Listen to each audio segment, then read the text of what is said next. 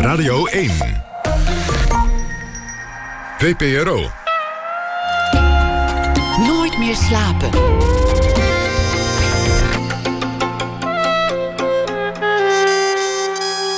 Met Pieter van der Wielen. Goedenacht en welkom bij Nooit meer slapen. Zometeen na één uur de film You Were Never Really Here... door vele recensenten nu al, een beetje vroeg in het jaar... de film van het jaar genoemd. We gaan kijken wat uh, de rest van de wereld ervan vond. Anne Fleur van der Heijden komt op bezoek. Ze heeft een boek geschreven, Klappenroos... en Monier Samuel zal deze week elke nacht een verhaal maken... bij de dag die achter ons ligt. We beginnen met Rivka Lodijzen komend uur. Op het uh, filmfestival in Rotterdam twee grote premières. Eén als hoofdrolspeler in een nieuwe politieserie van KPN, Phoenix... samen met Teun Zij vervult de hoofdrol, een Amsterdamse rechercheur en dochter van een vermoorde agent, zoekt in de Brabantse onderwereld waarheid en genoegdoening. En er is de film La Hollandesa, een film van Marleen Jonkman. Een stel gaat op vakantie naar Chili, hopend de relatie te redden. De vrouw heeft een vurige kinderwens, maar het lukt niet en de relatie die begeeft het. En dan verandert de film in een roadmovie. De hoofdpersoon wordt gespeeld door uh, Rivka Lodijzen. Rivka deinst nergens meer voor terug. Gekte kansen. In de film Kan door huid heen. Rouw in Tonio. Terminale ziekte in Verdwijnen. En regisseurs weten haar dan ook altijd te vinden voor moeilijke rollen. Lodijse, geboren in 1972, werd beroemd dankzij regisseur Eddie Terstal. Die ontdekte haar voor de films Hufters en Hofdames, Rent a Friend en Simon. En inmiddels mag ze zich met recht een van Nederlands meest geprezen acteurs noemen. Welkom, Rivka Lodijzen. Wat een leuke introductie. Wat, wat, wat, wat, voor moment is dat eigenlijk als zo'n film in première gaat voor jou? Is het, hou je daarvan? Rode lopers, interviews, uh, camera's, premières? Nou, niet zozeer rode lopers, interviews, maar wel dat het, het is toch een beetje de geboorte van het kind. Wat niemand nog heeft gezien. Het zat een beetje in je buik en dan daarna is hij van iedereen. Wat een mooie metafoor heel, in dit geval nou, trouwens. in dit geval, ja. Um, maar uh, ik vind, ben ook altijd heel erg benieuwd wat mijn um, uh, vrienden en familie ergens van vinden. Uh, La Hollandesa is al in première gegaan in Toronto in september. dus daar was ik met de producent en de regisseur en de schrijver en mijn man. Um, maar dat was eigenlijk een heel klein gezelschap. Dus ik ben nu heel benieuwd.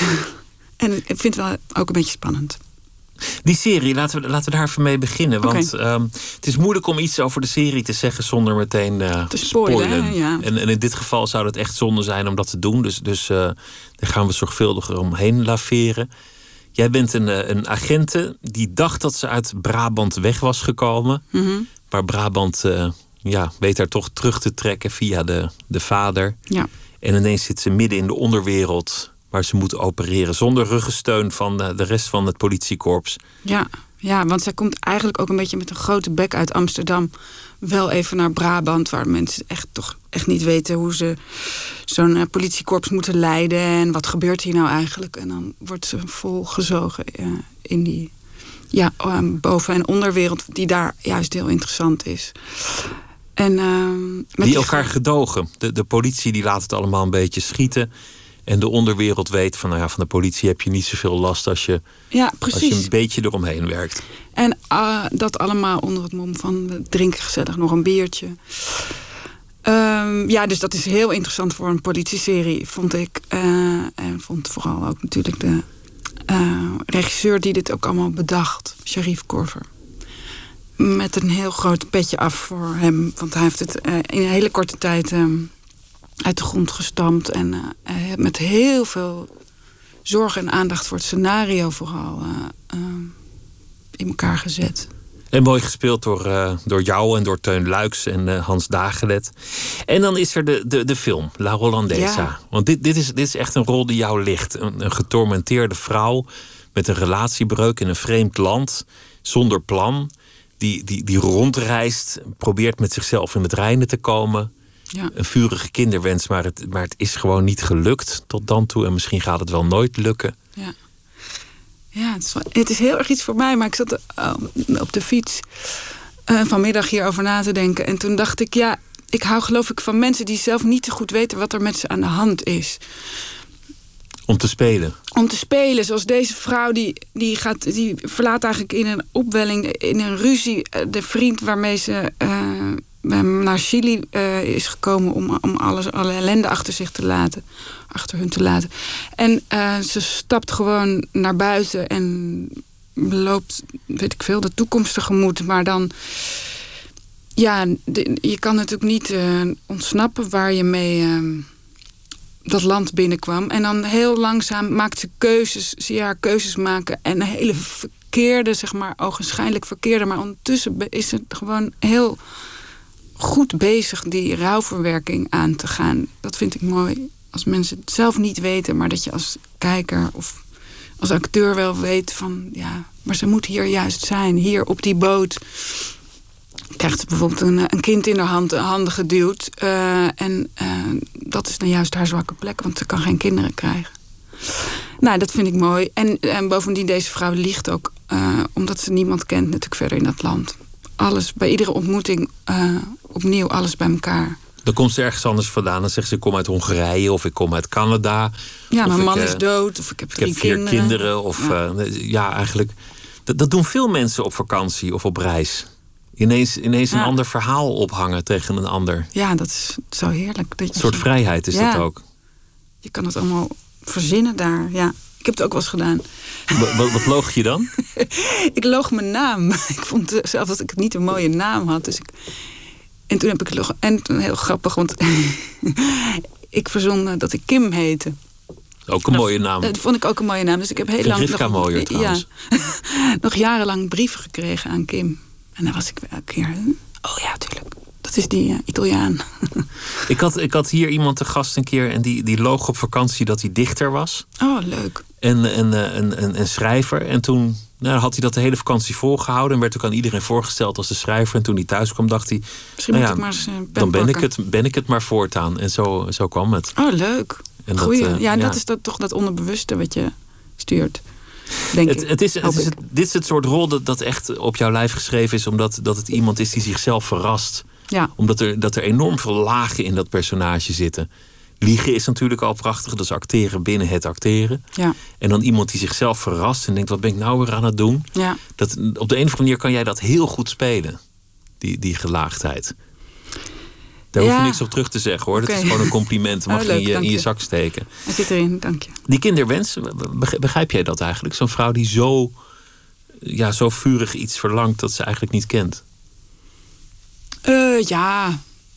Eh, eh, In die zin, ik heb dat ook altijd heel sterk gehad. Het gevoel dat ik moeder wilde worden. Ehm, ja, zelfs zo erg dat ik dacht, als dat niet lukt, dan wa- waar gaat mijn leven dan over? Dus ik snap heel goed dat deze vrouw eh, echt niet meer weet wat ze moet. Hoewel ik me wel afvraag of het voor haar, of het, of het niet een beetje een, een gebrek aan zingeving is. Of dat ze nou echt dat kind eh, had gewild. Ja, dat kan ik. Dat vraag ik me wel eens af bij haar. Want ze kan het ook niet echt verklaren. Ze kan nou, het ze niet is ook niet echt een hele goede moeder. Eh, Denk ik. Omdat ze zo eh, alleen maar op zichzelf vaart. En omdat ze zo onvoorspelbaar is Ja. misschien ook. Ja. Maar goed, dat, dat, zijn moeder moet, groeit natuurlijk ook. Maar in ieder geval, dat, is, dat is, vind ik ook leuk om te. Ik vind de eigenzinnige vrouwen leuk, geloof ik. Heb jij, heb jij altijd geweten dat, dat, je, dat je moeder zou oh ja, willen worden? de moeder, ja. Ja. Ik was echt zo'n meisje die... eh, nou, niet zozeer met poppen, maar ik had eh, broertjes en een zusje. En was ik wel altijd... eh, ja, dat, ik denk dat, dat ik heel goed snel door had wat je daarmee moet. Hoe je die moet, weet ik veel, ja, bij de hand moet pakken. En luiers en zo was ik altijd heel goed in. En ik hou denk ik van het gevoel van heel dicht bij zo'n klein mens aan zijn. Ik weet niet. Ik, ik heb, vond het ook eh, heel, nog veel leuker dan, eh, dan ik al eh, dacht toen ik zelf twee dochters kreeg. Het is je bevallen. Het was Ja. toch mooier dan je al vermoedde? Ja. Ja, ik, ja. Mensen die mij kennen weten dat ik nu aan het lachen ben. aan het stralen ben, toch? ja, ja, je straalt.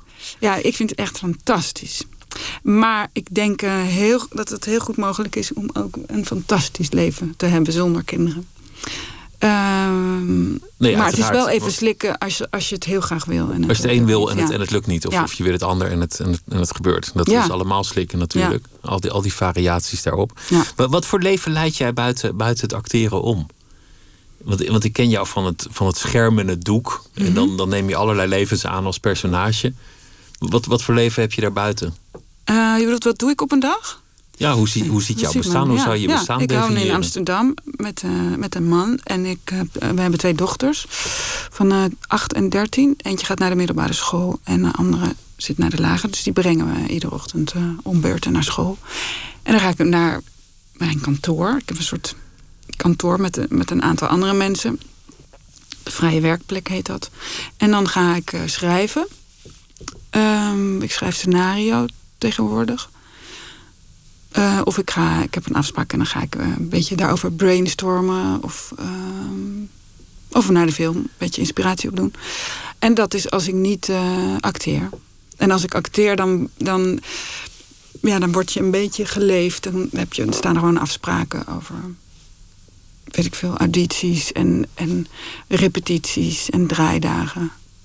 Dan kan het zomaar zijn dat je opeens zeven weken in Chili zit... of een paar maanden in Brabant of België. Dan is het gewoon keihard werken eigenlijk. Nou, ik vind het allebei hard werken. Maar eh, bij de een staat het gewoon heel, heel duidelijk vast... wat, wat er van je wo- wordt verwacht. En, en eh, dat andere is met je in je eentje op een zolderkamertje... een beetje alles uit jezelf trekken. Maar, je- maar je hebt gekozen voor een, voor een, een stabiel bestaan. Of een, een rustig bestaan buiten het, het artistieke om. Je bedoelt omdat ik nog niet gescheiden ben? Nee, omdat je gewoon een, een gezin Oh, ges- en, en, ja, en met je ja. man blijft. Nee, ik ben en heel... ehm, eh, ja, honkvast.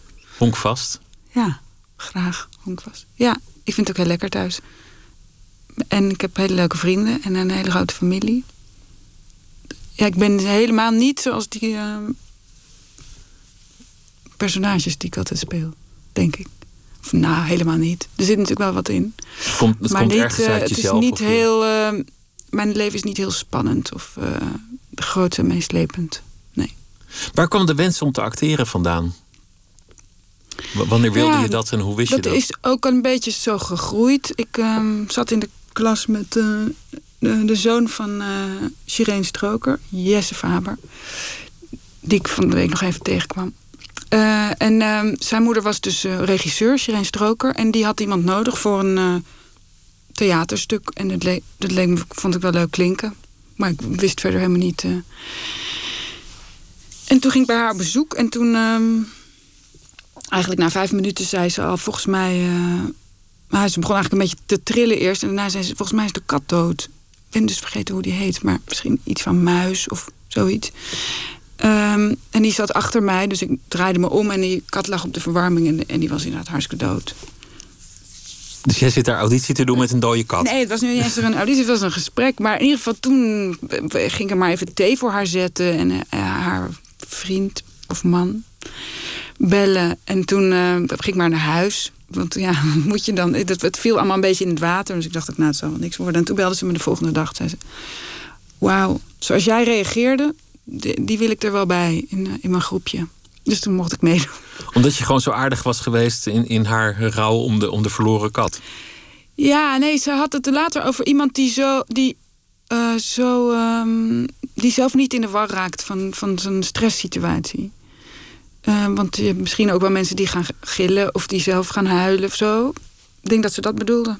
Je koelbloedigheid. Ja, koelbloedig, ja. Nou, ik weet het niet. Maar in ieder geval, eh, eh, zij wer- werkt altijd heel eh, intuïtief, denk ik. En dat, ik denk dat ze me op die manier heeft, erbij heeft getrokken. Maar ik weet niet, ik vond het fantastisch. Maar het is ook een factor toeval. Het is ook, ook, ook hoe een heel kleine gebeurtenis. Absoluut. Niet dat ik een, een dode kat een kleine gebeurtenis vind, maar vooruit toch. Een kleine gebeurtenis een, Ja, het had een ook enorm. heel anders kunnen lopen. Maar misschien was ik dan ook wel aangenomen, dat weet je niet. Nee, dat weten we niet. Nee. Maar goed, als je een golfballetje een millimeter naar links of rechts tikt, dan komt hij een meter Ja. verder op het, eh, Ja, ik hou op, op daarvan het veld. sowieso in verhalen en, en in het leven ook. Die, die kleine wendingen. Ja, Jij, jij kwam uit een, uh, een artistiek gezin, want je vader was beeldend kunstenaar. Dus vorig jaar een biografie over je vader verschenen. Ja. Wat natuurlijk een grote eer is. Ja, kan het iedereen aanraden. Een boek over je vader. Ja, over mijn vader zou het een dun boekje worden, vrees nou, ik. Maar, dat denk ik niet. maar die, eh, Frank Lodijzen, hij, hij was, was kunstenaar, maar hij leidde een, een, een tamelijk wild en rumoerig bestaan. Ja, kan je zeggen. Ja. Veel in het café, liefhebber van vrouwen. Een ja, uh, weinig huiselijke man, vijf huwelijken. Ja. ja, gek hè? Ja, misschien ben ik wel uh, een reactie daarop of zo. Uh, maar dat is inderdaad nogal een ja, best een spannend boek geworden. Omdat het inderdaad. En hij werd geboren in 31. Dus hij was zo elf in de oorlog. En hij is zijn ouders kwijtgeraakt. Dus het werd eigenlijk heel erg bepaald door die oorlog... waar die, veel familie is kwijtgeraakt. En toen een beetje zo'n zwervend bestaan. En van het ene huwelijk in het andere. Hij was heel aardig en charmant en knap. Dus iedereen vond hem eigenlijk wel leuk. Kende jij het hele verhaal? Toen, toen Nee. jij dat boek las, was, was het voor jou nieuw voor een deel? Heel veel dingen waren nieuw voor mij. Ja, ik ben ook. eh Rieneke van Hout heeft ze, die dat boek heeft geschreven. Echt diep eh, dankbaar voor al het onderzoek. Ook naar mijn grootouders. Waar ik natuurlijk helemaal niks van wist. Ik heb één naaimandje van haar. Eh that's it. Ik heb, ja, ik had- en ik kende één foto. Maar nu, ze heeft echt wel heel veel dingen beschreven. Over die tijd ook. Die ik natuurlijk ook alleen maar uit eh, de aanslag.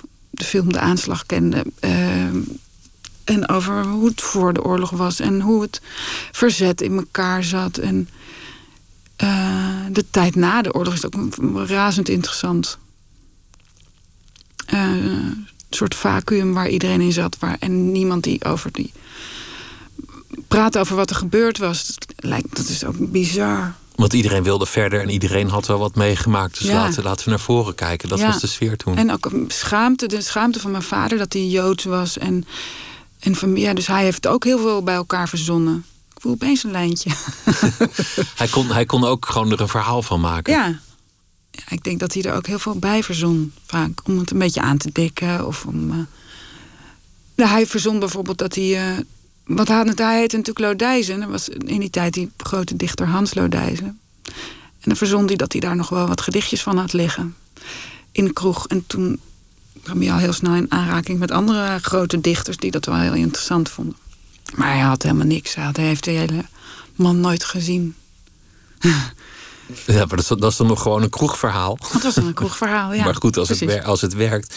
Het, wa- hij, wat hij als kind heeft meegemaakt, want, want jij zegt veel familie verloren. Eigenlijk nagenoeg al zijn familie verloren. Althans in ieder geval zijn, zijn gezin, zijn ouders, zijn zusje. Ja, hij had nog wel een halfbroer en een halfzus. Die wordt altijd een beetje vergeten. Die hebben het overleefd. Ja, En, en hij, is, hij is eigenlijk ook, ook voor zo'n zo'n relatief klein toeval. Zo heeft hij het kunnen overleven. Want Ja. dat, dat, is, dat is een verhaal. Dat, dat, dat vond ik zeer indringend. Dat, dat hij eigenlijk als kind net aan wist weg te komen. ja. Ehm, zijn, ouders, zijn ouders waren dus en Joods. Ik moet even voor de duidelijkheid zeggen... het was zijn stiefvader en zijn moeder. Die zaten, waren in Joods en zaten ook nog in het verzet. Dus dat was eh, dubbel spannend. En ehm, de kinderen, dus Rivka... de, eh, zo heet het, het zusje van mijn vader...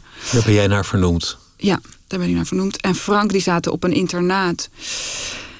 En eh, toen is op een gegeven moment die stiefvader opgepakt. En ehm, toen ehm, is die naar dat internaat gebracht door, weet ik veel. Ik, noem het altijd de, boeven, maar ik weet, weet dan niet of dat eh, de SS was of zo. Daar weet ik, heb ik dan eigenlijk helemaal, weet ik niet.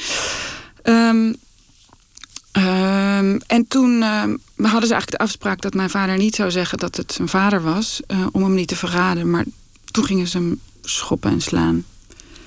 Die vader dus. En toen eh, eh, brak de mijne. Want een kind, ja, dat kan je. Ja, nou, Maar hij was, hij was een kind van, Hij was een kind van elf. van elf. En hij Ja. ziet dat zijn vader geslagen wordt door, Ja. door, door wie het ook was. De Nederlandse politie of de SS of, ja, of dus niet. wie ja, dan ook. Ja. En, en hij, hij roept iets van papa. Papa, nee, niet doen. Ja, dus, dus en toen waren, waren ze erbij. Dus toen werden ze eigenlijk met z'n allen naar eh, eh, Amsterdam afgevoerd. Ehm, en daar hadden, hadden zijn stiefvader en zijn moeder de afspraak ehm, dat ze, mm, als ze van elkaar zouden weten dat ze waren opgepakt, dat, ze, ze- zich, eh, eh, dat de ander zich bij de rest zou voegen. En dus toen, ja, ik, ik zie dat het voor me als een scène, omdat ik eh, daar gewoon plaatjes bij heb gemaakt in mijn hoofd. Maar toen eh, op het Centraal Station was er zo'n groep met mensen die zou worden ge, ehm, Gedeporteerd.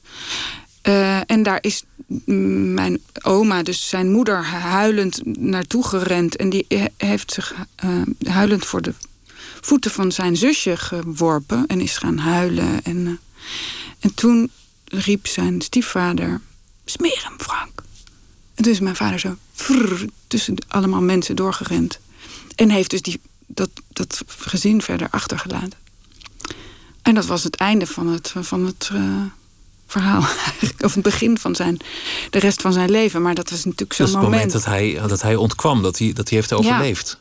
Het is eigenlijk ook, ook wonderlijk dat het hem is gelukt om zo hard te rennen en, en niet gepakt te worden. Dat er niet nog ergens een Ja, in, de scène. zag. Of, Ja, precies. In de scène in mijn hoofd staan daar heel veel mensen. En gaat hij gewoon, glipt hij er tussendoor. En hij is in- met, het was op het Centraal Station, dus hij is in een tram gestapt. En achter tegen iemand aan gaan staan die een beetje op zijn moeder leek. En daar is hij, eh, die heeft hem een beetje, geloof ik, geholpen met waar moet je heen. Hij had nog ergens een tante en een oom. Dus daar is hij er maar heen gegaan. het, is, het is een verhaal dat, dat, dat ook een beetje je hart breekt als je het hoort. Ja, dat jongetje. Omdat, omdat ja. een kind dat Ja. zoveel verantwoordelijkheid moet dragen en in zoveel gevaar verkeert en dan Ja, zo te nauwernood het overleeft. ja, en dan Ik vind het een heel de- aangrijpend verhaal. de schuld van het eh, je vader verraden en de schaamte van het weglopen bij, bij, bij dat gezin. Ik denk dat, dat dat wel heel bepalend is geweest voor, zijn, voor de rest van zijn leven. Hoe, aan- ook, ja, hoe aanwezig was dat thuis? Nou, ik werd natuurlijk eh, ge- pas geboren toen hij 40 was. Dus ik denk wel dat dat is best veel gebeurd. En hij was, godzijdank was hij kunstenaar. Dus hij kon ook gewoon iedere dag schilderen wat hij voelde. Dus ik denk dat daar wel, dat dat wel heeft geholpen. Ik denk als hij, als hij niet, geen talent had gehad voor iets kunstzinnigs, dat hij. Nou, dan. Ik, dat was misschien wel een hele vervelende man was geworden. Of een hele naar binnen geslagen man of zo. Maar hij kon gelukkig zich wel redelijk uiten. En eh, het was wel. Dus hij kon er wel over praten. Het werd een beetje, altijd wel een beetje verhalen. Op een gegeven moment voelde je het Indianenverhaal wel een beetje. Ik denk ook dat hij dat dat een beetje plaats heeft gemaakt voor de waarheid. Voor, hoe het echt was gebeurd. Want je gaat die dingen natuurlijk vervormen.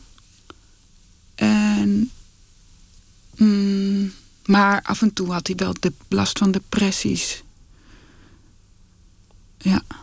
En dat drinken zal er ook wel mee te maken hebben gehad. Want hij is open. Hij is. Ja. Ja.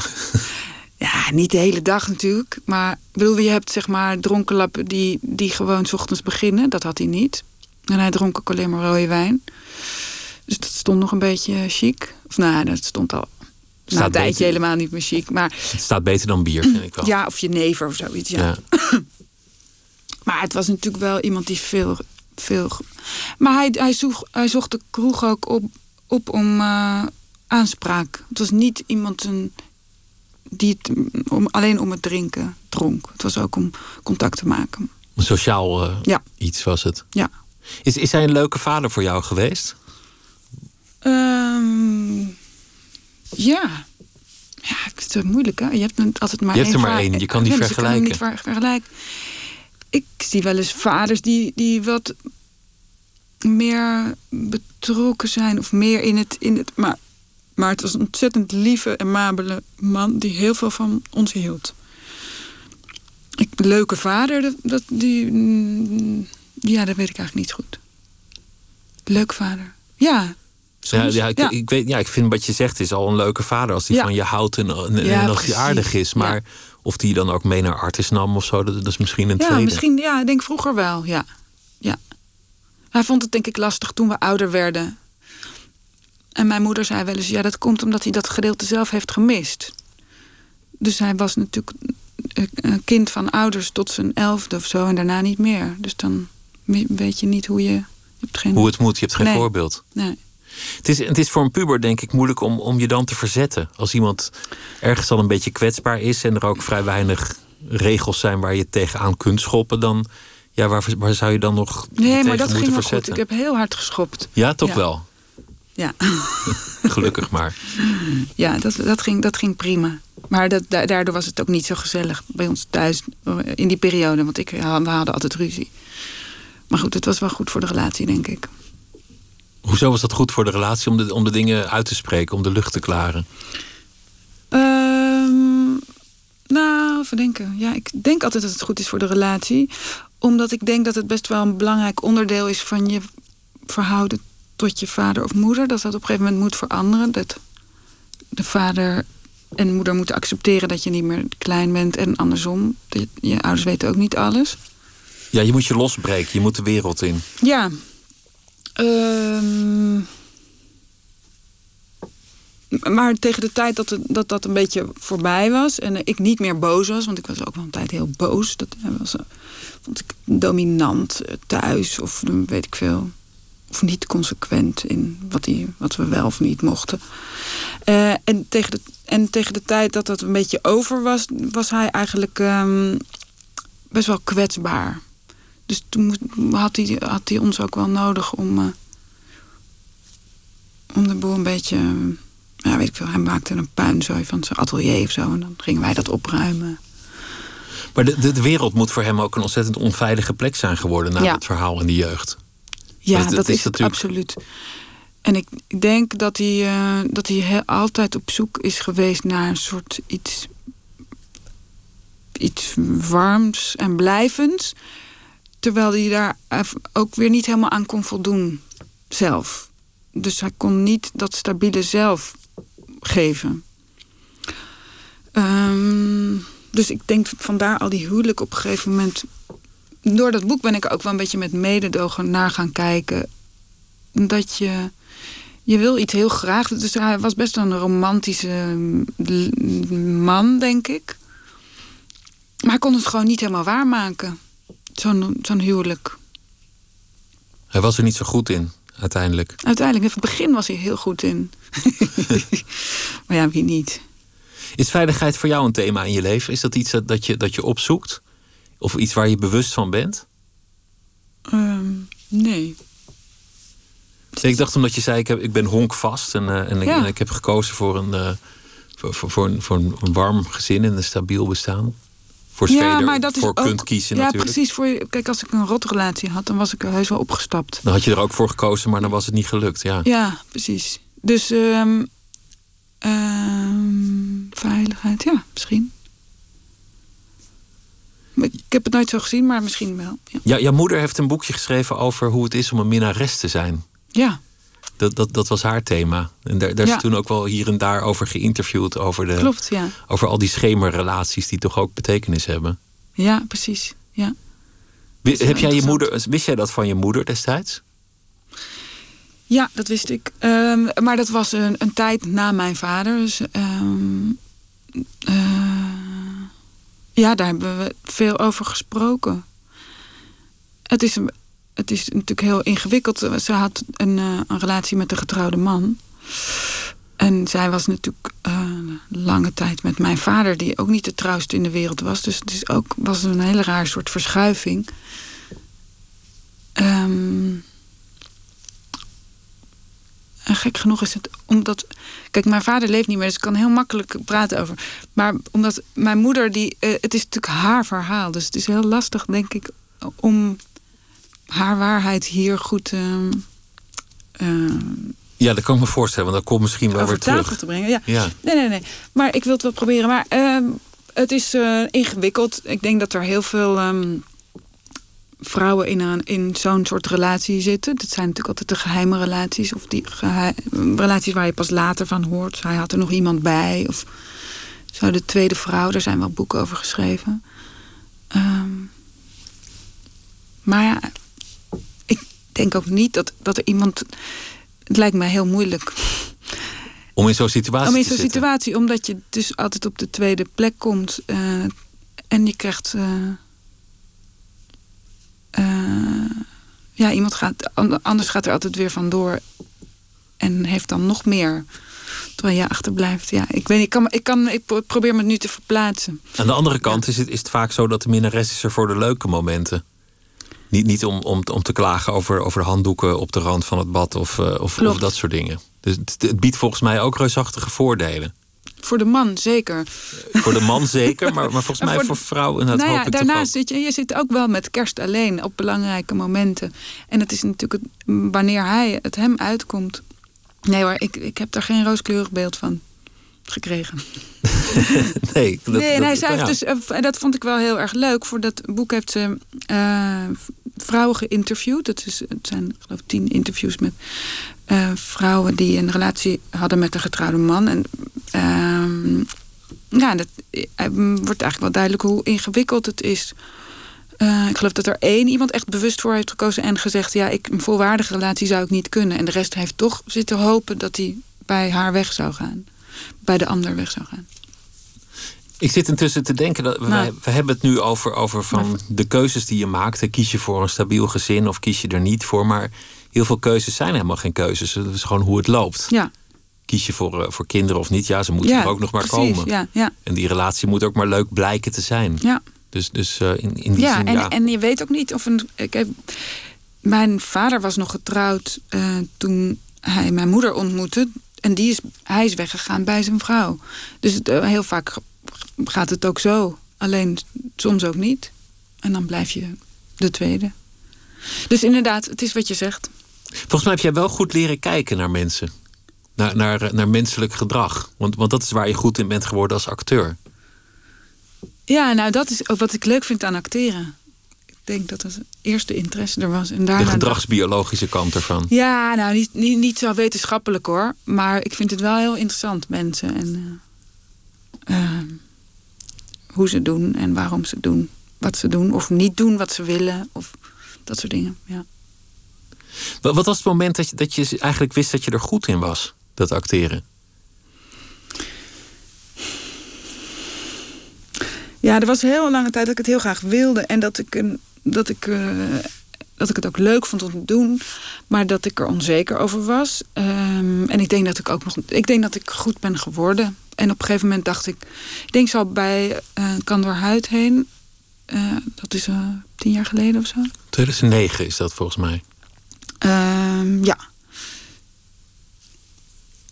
Uh, toen begon ik te ontdekken dat het heel le lekker is om een echt mens. Ik, ik zat het een beetje zo vast in rolletjes.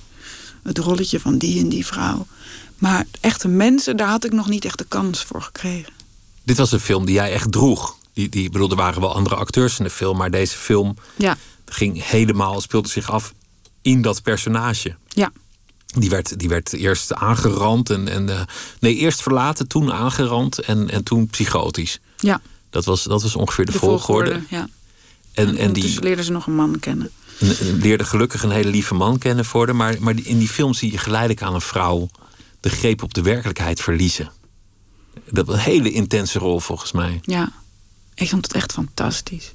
Om dat Omdat te spelen. Je, al die schakeltjes en, en, en dingen gaan niet zo van het een op het andere moment. Maar je, ja, je glijdt echt ergens in. En ik vond het zo uh, leuk om zo uh, op de millimeter, maar ook heel tegelijkertijd heel intuïtief uh, te werken. En ook een vrouw te laten zien. En het is natuurlijk. Het is ook heel erg een montagefilm. Dus uh, de regisseur heeft daar ook heel slim gekozen. Want je hoort haar gedachten, of je, of je ziet, ja. ziet af en toe ook echt verschuivingen tussen hoe het werkelijk is en hoe zij denkt dat het is. Ja. ja Waardoor klopt, je als, als kijker ook een beetje meegaat in die gekte. Ja. En het grappige is dat ik. Um, uh, pas toen ik de film zag, doorhad dat het een psychose was. Dat klinkt heel stom. Jij dacht eerst gewoon dat, dat het een, een, een, nou ja, een trauma nee. was of eenzaamheid? Ja, en ik of... dacht dat uh, eigenlijk dat ze. Dat die man op zolder is dus aangevallen, aangerand. Uh, en ze koopt een huis in uh, Zeeland. En, en ze fantaseert daar die aanrander, die ze vervolgens helemaal aan Vlaarden eerst martelt en daarna aan Vlaarden schiet. En ik dacht altijd, ja, dat fantaseert zij daar. En, uh, maar die psychose, dat was ja, eigenlijk toen ik de films aan zag, dacht ik, oh, dat is het. Dat heb ik, dat heb ik uitgebeeld. Ja. Misschien is het juist wel goed als je het niet weet. Ja. Want, want als je het weet, dan ga je het, ga je het misschien te duidelijk doen. Ja, precies. ja. Dan, dan ligt het er te dik bovenop. Het wordt de psychose is ook nooit zo benoemd. Ja, ik vind dat heel goed. Want het is gewoon de, hoe, hoe, hoe zij dingen ervaart. We hadden het over veiligheid en zekerheid. Maar eigenlijk heb je natuurlijk ook voor een onzeker bestaan gekozen in sociaal-economisch opzicht. Absoluut. Want als acteur, dat, dat is het grote nadeel van het beroep. Je moet maar gevraagd worden. Je, ze moeten bellen. Ja. De telefoon moet gaan. En het kan zomaar zijn dat, dat er een half jaar niks komt. Ja. Met gemak. Met gemak, ja. De dat jaren, de jaren zijn er echt uh, geweest, ja. Wat, wat, wat, gebeurt er dan met je als, je als je als je een half jaar geen werk hebt of, of een heel jaar? Ja, die word je onzeker van. Je denkt dat het, uh, dat het uh, dat je toch niet zo goed bent, of dat je misschien al te oud bent, of dat je niet. Ja, iedereen is dan leuker dan jij. En, uh, maar het raar is natuurlijk ook dat je. dat, dat film pas zoveel later uitkomt dan. Weet je, er is iets opgenomen, La Hollandesse, dat was vorig jaar. Ik even goed nadenken. Vorig jaar oktober. Dus ik zit hier eigenlijk alweer uh, vijf kwart jaar verder. Zit ik hier pas op de stoel en, en komt die film uit. En dan moet je bijna, bijna in je geheugen gaan. moet ik bijna gaan, gaan graven. Dus het is ook die uh, bevalling, die duurt allemaal zo lang. Um, maar, uh, dus soms dan heb je wel iets gemaakt, maar dan.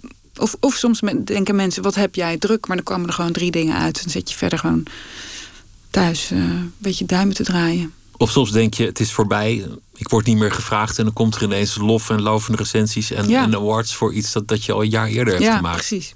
Ja. Want dat was volgens mij aan de hand met uh, Kan door huid heen. Dat, dat, Klopt. dat je gouden kalf kreeg, terwijl het eigenlijk. Ik, ik zou je vertellen, ik werkte bij een, ben bij een castingbureau gaan werken, maar ik dacht, ja, ik moet maar iets anders gaan doen. Dus uh, dat, dat was ik toen aan het doen. Uh, ja. En het, het, was een beetje jouw doorbraak. Het was, was denk ik, bedoel, je was al bekend en iedereen wist dat je kon acteren, maar hier had je wel zoveel van jezelf laten zien ja, en, en van je nou, talent. Ja, het was echt wel een doorbraak. Want het was eigenlijk al, als ik nu terugkijk, denk ik, nou, het was niet veel soeps. Ik had eigenlijk, het was, toen moest er iets gebeuren, of anders was ik denk ik gestopt.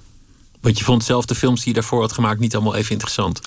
Uh, jawel, maar het was, was alweer een tijd terug. En er kwam gewoon niet zoveel. En ja, van één of twee keer per jaar een rolletje, daar kan je niet van leven.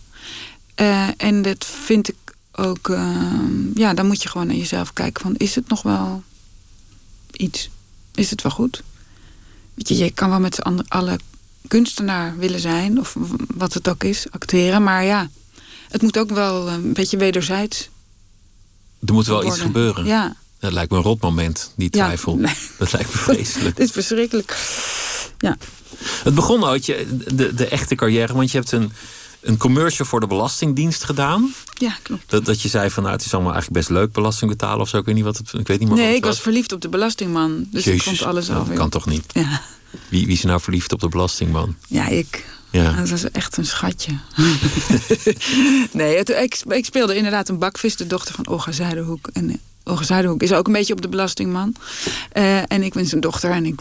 Dus, uh, noem je dat? ik gleed helemaal weg op hem. dus je hoopte dat er veel aanslagen kwamen, want Ja. dan kon je de belastingman nog een keer zien. ja, of ze, ze wil uit, dat soort uh, teksten, ja. Gewel, geweldig idee. En toen werd je in het café waar je werkte on- ontdekt door Eddie Terstal. Klopt.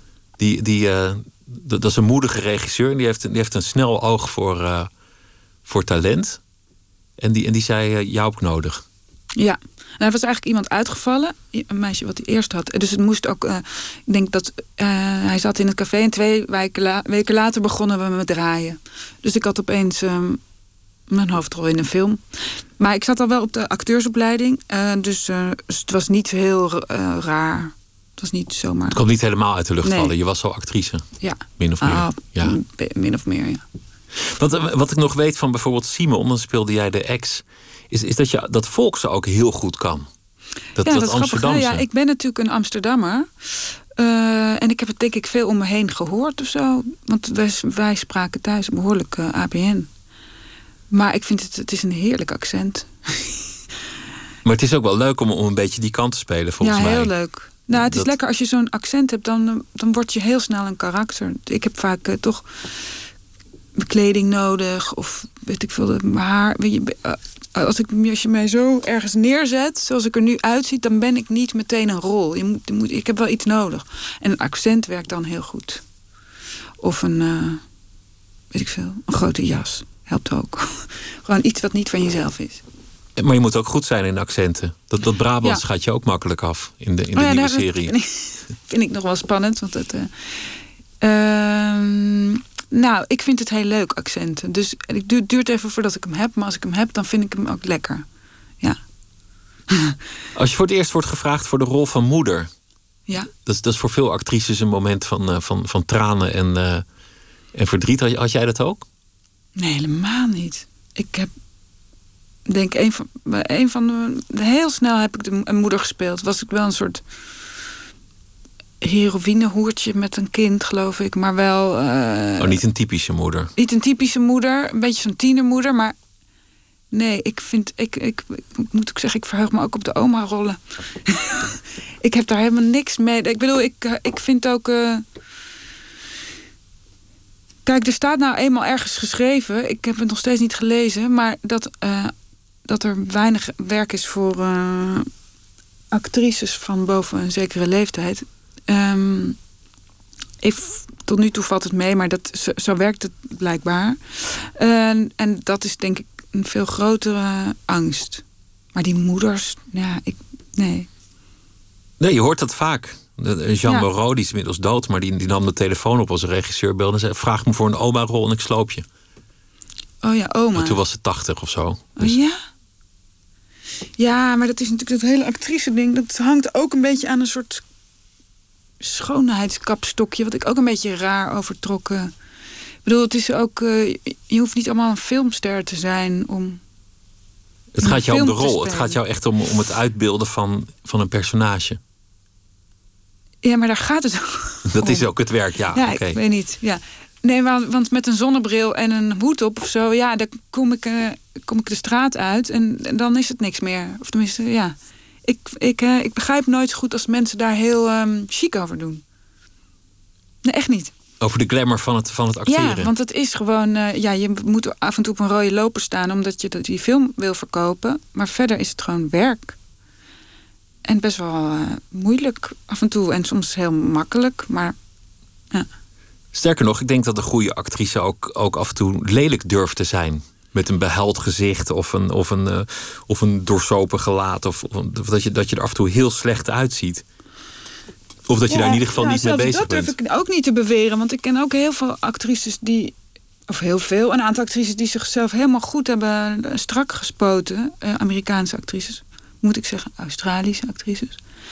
Die ook nog steeds de sterren van de hemel spelen. Dus het is ook niet gezegd dat het alleen niet... Dat die lelijkheid nodig is. Maar... ehm, ja ik vind het zelf. Ik probeer zelf altijd de ijdelheid te weren van de. Op de, want ik ben heus wel ijdel. En ik zie heus wel, als ik dingen terugzie, denk ik, jezus, dan krijg ik weer een kwap ergens in mijn wang. Daar baal ik dan echt wel van. Maar ik probeer wel heel erg dat niet in mijn spelen te, te weten. Daar niet mee bezig Ja, te zijn. ja. Gewoon je richten op, op eh, wat er gebeurt op omdat dat moment. Ik, heb, ik heb, ben, ben wel eens de fout ingegaan. Dan dacht ik, oh, het is leuk als ik misschien mijn bovenlip een beetje, weet ik veel. En dan zie je dat terug en dan val je gewoon door de mand. Ik vond, ik vond Tonio vond, vond ik een, vond ik een geweldige film. Ik vond het boek ook mooi. Maar dat was volgens mij ook een, een ontzettend moeilijke rol om te spelen. De, de, de moeder Ja. van, van een jongen die omkomt in een verkeersongeluk. De vrouw van de grote schrijver. Ja. Van, van, een, van twee mensen die, die, die zo door verdriet worden opgefroten. En, en toch elkaar proberen vast te klampen. Ja, dat was heel moeilijk. Hoe, hoe bereid je je dan voor op zo'n rol? Ja, nou gewoon dat wat je niet wil, namelijk gewoon echt met die angst aan de, aan de slag. Echt, echt daarover nadenken. Hoe, hoe moet dit zijn? Ja. En ehm, heb ook met een coach gewerkt voor het eerst, omdat ik dacht, ja, dat je, het moet er zijn, dat verdriet. Het moet echt hier de het om het hoekje liggen. Want anders, je moet hem gewoon blind kunnen pakken om de Ehm, dus voor het eerst dacht ik, ja, volgens mij is het in Amerika heel normaal dat mensen hebben voortdurend coaches. eh, maar in ieder geval, Maar je, je noemt het een angst. Du- Dus, dus daar De betrek je het al op je- jezelf. kind te verliezen, ja. Dat lijkt me een reusachtige angst. Ja. Dus maar ja, ik kon niet die film een beetje gaan eromheen gaan dat het niks met mij te maken had. Het is gewoon je grootste nachtmerrie als ouder dat zoiets gebeurt. En haar, haar overkomt het. Mm. Ik heb laatst een- boek gelezen eh, van eh, wat nu eh, in de bestsellerlijsten staat. De logica van geluk van Mo Gavdat heet het, heet geloof ik. En die eh, is dus, eh, die was op zoek naar eh, een formule voor geluk, want hij was heel rijk en hij had eigenlijk alles wat zijn hartje begeerde, maar hij was niet gelukkig. Toen is hij op zoek gegaan naar een formule en toen ging zijn zoon dood. En toen kon hij eigenlijk die formule pas goed in eh, praktijk brengen. En ehm, waarom ik dat vertel is omdat het ergens zit er wat hij vertelt, en dat is natuurlijk, de meeste mensen kunnen dat niet, is ehm, het is zo erg als je heftigste nachtmerrie eh, eh, gebeurt. Hij ervoer bijna als een soort, gek genoeg, opluchting, omdat het ergste wat er, wat er kon gebeuren, was gebeurd en hij leefde nog. Dus je had de bodem geraakt. En, hij had de bodem geraakt. En had, had hij natuurlijk wel die geluksformule bij nodig. Om dat allemaal, maar hij heeft dat op een wonderbaarlijke manier... Heeft hij, beschrijft hij dat in dat boek. Heel interessant vind ik dat. Ehm, maar goed, het is natuurlijk... ehm, eh, dat we, ik, denk, ik denk dat dat ook is waar, waarom sommige mensen die film niet wilden zien... of het boek niet wilden lezen. Het is gewoon een vinger in die, in die wond waar, waar je nooit aan wilt. Namelijk gewoon, of zout in de wond. Het is gewoon het ergste. Eh, maar die mensen die blijven bestaan. En daar gaat, het, gaat Antonio over. Dus je, je wil dan zoveel mogelijk laten zien. Namelijk maar ook mensen die gewoon daar weer een bord eten krijgen. Of zich volgieten met drank ze- en dan. ja, en dat dat ook niet helpt. Ja. Of dat je dan toch kiest voor samen blijven. Want dat is het enige wat je nog. Maar het lijkt, het lijkt me gekmakend om, om, om jezelf zo langdurig te confronteren met je grootste angst. Ja, nou kijk, het moet ook. Het is ook niet iedere. Kijk, die, sommige scènes gingen ook over het overleven of over de liefde. Weet je, wat, wat er nog wel is. Maar, de, maar ik vond het wel een hele moeilijke zomer, ja. Een mo- moeilijk moment. En je speelde daarna in een film die vorig jaar uitkwam. Dus ik weet niet precies wanneer dat is opgenomen van, van Boudewijn Kolen. Waarin je juist zelf degene was Ja. die, die terminaal was. Joh, wat- dat Dan was je de zulke dochter. moeilijke dingen. De hele tijd. Eh, ja, was ik eh, degene die zelf eh, dood ging, ja. Nou, dat vond ik eigenlijk nog weer ingewikkelder. Want dat is ook zo abstract. En daar weet Dat je ook, echt- weet je, daarvan weet je eigenlijk niet hoe het is. Nee, ik weet, we kennen wel de angst, maar die gaat gek genoeg bij mij altijd over dat mijn kinderen dan geen moeder meer hebben. Dus, maar als je. de, eh, nee, ja, dus angst de hele tijd. Maar het is wel grappig dat, dat, dat, dat jij altijd tegenwoordig wordt gevraagd... lijkt het voor de, voor de zware rollen. Terwijl je volgens mij een comedy makkelijk aan zou kunnen. Ja, Vol- Volgens mij zou je heel grappig kunnen zijn in, eh, in films. Heb je hebt het trouwens ook wel eens gedaan hoor. Maar ja. dat, Ja, Ja, ik ineens weten ze je denk te altijd Als vinden. het moeilijk is, dan bellen ze mij. Nee, ja, ik ben natuurlijk heel eh, blij, want het zijn wel de mooiste rollen. Zeker op mijn leeftijd. Maar het is wel elke keer denk ik, my god, hoe hoe ga ik dit nou weer doen? nou weer doen? Ja. En, en verder, nou dan is het natuurlijk wel zo'n crimi als Phoenix. Dat was wel heerlijk even. Niet dat het niet, niet dat het makkelijk was en ook niet dat het niet zwaar was. Eh, maar, het, maar dat, ja, dat is een soort genre wat ik ook heer. Ik was echt super blij om een keer zoiets te spelen. Lekker even duiken voor een kogelregen. Ja, dat soort dingen. Heerlijk. Ja. En nee, het was echt wel een beetje een soort eh, droom. Een beetje een soort Sarah Loent van de, van de Killing-achtige. Een beetje een stugge vrouw. En dan mocht ik met latex hand, handschoentjes onder een eh, afzetkoord, afzet, afzetlint doorkruipen. Dat is heel leuk. Je bent ook eh, scenario gaan schrijven. Ja. Je, je hebt een heuse opleiding gevolgd. En onder meer heb je een, een korte film gemaakt. Ja. Die eh, door Hiba Vink werd geregisseerd. Dat ging eh, Don't Forget to Check Out, heette die. Ja, Remember to Check Remember to Check Out. Een, uh, een, een demente vrouw in een tram in Amsterdam wordt door een voorbijganger gered. Die eigenlijk haast heeft en eigenlijk zijn kind van het voetbalveld moet halen. En er totaal niet op zit te wachten. En de vrouw is nog jarig ook, dus hij durft ook niet er maar aan de lot over te laten. Maar ze weet totaal niet waar ze naartoe moet. Mm en, en, dat een beetje gefilmd in een soort film noir-achtige setting. En je weet eigenlijk ook niet of ze de boel gewoon bedondert. Nee. Of dat ze echt zo dement is. Ja. Was, was, was, was volgens mij een mooi, mooi verhaal om te schrijven ook. Ja. Maar ook daar wordt weer gelogen. Uh, wordt er gelogen? Of in ieder geval niet de waarheid gesproken, laat ik het zo zeggen.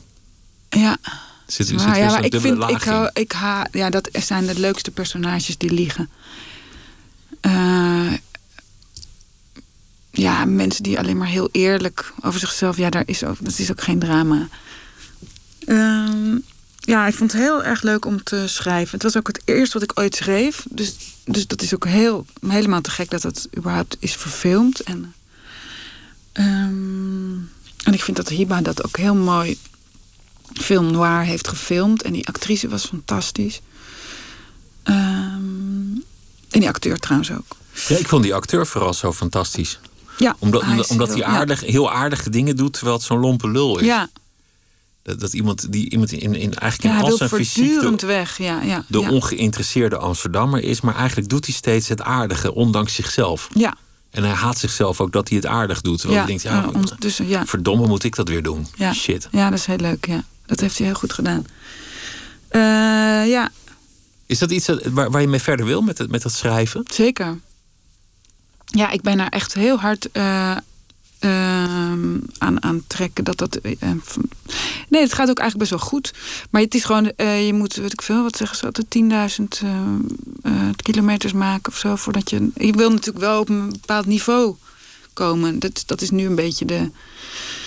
Ik wil heel goed worden. Omdat ik nu weet. worden. Nou, nee, dat hoeft niet. Maar ik wil wel goed worden. Dus ik moet gewoon heel veel schrijven en heel veel struikelen. En dan hoop ik eens een keer ergens iets heel bijzonders uh, voor jullie te maken.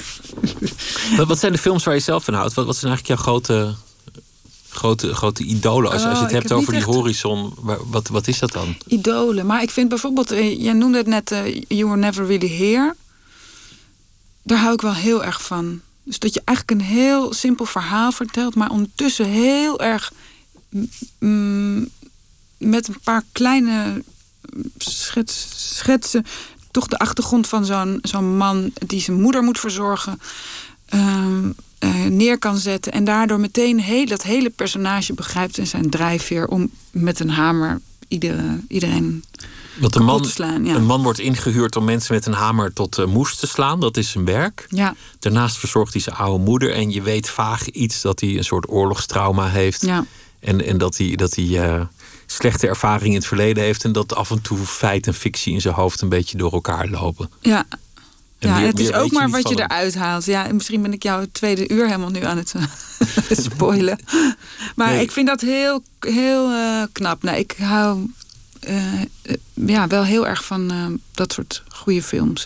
En maakt me niet uit of het dan een man is die met een. Ik bedoel, dat met die hamer of zo, dat interesseert me verder niet eens heel erg. Maar wel, wat, wat is het motief van, een, van de mens of zo? Waarom hij tot dingen doet die die wij allemaal raar vinden. Maar ik vind het heel bijzonder hoe je dan iemand zo leert begrijpen. En, eh, ja, ik leer daarvan over mensen.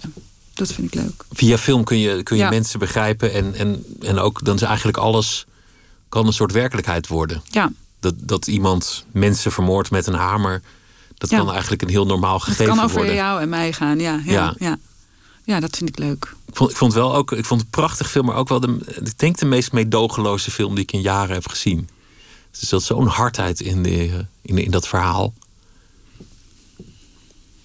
Ja, dat vond ik niet. Wat, wat hoop je van de rest van je, van je bestaan? Bestaan zelfs. Ja, want, het zal toch altijd iets met film blijven zijn, denk ik. Ja, absoluut. Van je werkende ja. leven. Nee, want om nu nog iets heel anders eh, te gaan. eh, nee, ik zocht natuurlijk een tijd na- naar, naar nog, nog een werk en dat heb ik gevonden. Dus ik hoop heel erg dat ik mag blijven acteren, want dat weet je nooit. Hoe lang En- die telefoon blijft gaan, bedoel je? Dat, dat weet je niet. Dat weet je niet.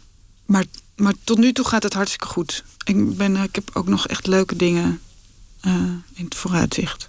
Volgens mij gaat het, gaat het juist beter dan ooit. Volgens Ja. mij krijg je erkenning bij de vleet en, Ja. en word je voor Superleuk. interessante rollen Had ik gevraagd. echt niet gedacht. En mensen gezegd. zien volgens mij wa- wat je waard bent.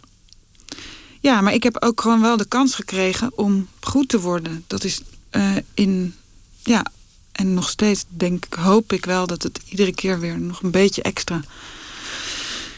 Ja, dat is gewoon. ehm mazzel. Mazzel en, en hard werken. Moet, En je, hard moet je natuurlijk ja. ook niet vergeten. En, nee, en ook dat niet, eh. Ja. ook niet eh, op, op spugen. Wat, wat, want we hebben het nu weer gehad over dingen die je al lang gedraaid hebt. Wat ben je eigenlijk nu aan het draaien op dit moment? Wat, wat Nee, ik ben nu aan het schrijven. nu aan het schrijven?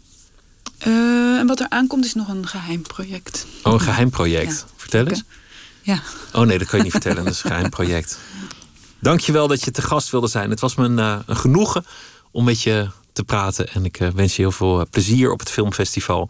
Met twee premières, La Hollandesa en Phoenix. Een nieuwe serie die te zien zal zijn vanaf maart bij KPN. Ja, ik heb nog één dingetje, mag ik nog zeggen? Ja? oh, in april komt er nog een, een televisieserie die heet Export Baby. Dat is een vierdelige serie, oh, is een adoptiedrama. Bij ehm, iets met NPO, maar ik weet niet of het 1, 2 of 3 is. Een vrouw die erachter komt dat het verhaal van haar geadopteerde kind niet deugt. Dat was het. Klopt. Rivka Lodijzen, dankjewel. Dankjewel. Zometeen in eh, Nooit meer slapen komt eh, schrijver Anne Fleur van der Heijden op bezoek. Zij heeft haar eh, eerste debuutroman in de winkel liggen, Klapperoos. En het gaat over een vrouw die eh, opgroeit in een eh, gezin vol verslaafden. Een moeder en een eh, stiefvader aan de heroïne. We gaan het hebben over de film eh, You Were Never Really Here met eh, Joaquin Phoenix. We hebben de meningen gepeld eh, onder ons eigen publiek en anderen. Monier Samuel die zal deze week elke nacht een verhaal maken bij de dag die achter ons ligt. Twitter, het VPRO NMS. En we zitten ook op Facebook. En u kunt zich abonneren op de podcast. Dat doet u via de site van de VPRO, vpro.nl slash nooit meer slapen. Of via iTunes.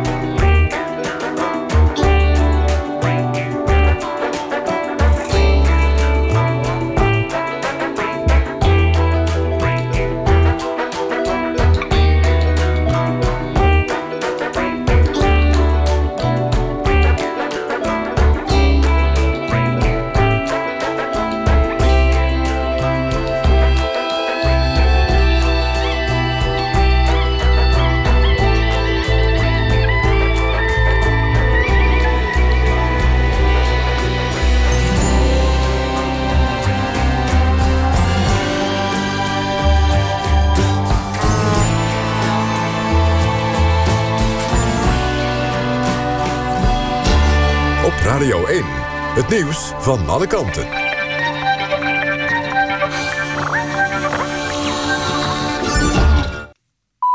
Eén uur, Ewout de Jong met het NOS-journaal. In de Tweede Kamer gaan steeds meer stemmen op... om het Wetenschappelijk Onderzoeks- en Documentatiecentrum... op meer afstand te plaatsen van het ministerie van Justitie en Veiligheid. Het WODC is officieel onafhankelijk... maar Nieuwsuur meldde enkele weken geleden... dat een aantal rapporten door de politiek is beïnvloed. Zoals het onderzoek over het softdrugsbeleid. Minister Grapperhaus heeft drie onderzoeken aangekondigd. De Kamer wil dat hij daar vaart achter zet... en benadrukt dat mensen moeten kunnen vertrouwen... op de onafhankelijkheid van de rapporten van het WODC. Grote bedrijven in Nederland moeten binnen vier jaar stoppen... met het gebruik van gas uit Groningen. Dat heeft minister Wiebes van Economische Zaken en Klimaat geschreven... in een brief die aan zo'n 200 bedrijven gestuurd zal worden. Wiebes noemt 2022 als het jaar waarin dat uiterlijk gebeurd moet zijn. De bedrijven hebben twee opties. Duurzame energie opwekken of overstappen op een ander soort gas. Het voornemen om in Groningen minder gas te winnen stond in het regeerakkoord. Het is nodig vanwege de aardbevingen die de gaswinning veroorzaken. Op de luchthaven van Hannover zijn Koerden en Turken met elkaar op de vuist gegaan. De Koerden protesteerden tegen de militaire operatie van Turkije... tegen een Koerdische militie in de Syrische regio Afrin. Ze riepen onder meer dat president Erdogan een fascist is. De Koerden zouden zijn aangevallen door passagiers van Turkish Airlines. De Duitse politie gebruikte pepperspray om de groepen uit elkaar te drijven. Op Schiphol was er de afgelopen avond ook een kort protest van enkele tientallen Koerden. Ook dat dreigde te escaleren, maar de marechaussee voorkwam dat. Het weer, afwisselend wolken en opklaringen bij minima rond 4 graden. Overdag bewolkt en vooral smiddags af en toe lichte regen of motregen... en een stevige zuidwestenwind. Het wordt 7 tot 10 graden. Woensdag nog wat zachter met in de middag regen en wind. Dit was het NOS Journaal. NPO Radio 1. VPRO. Nooit meer slapen.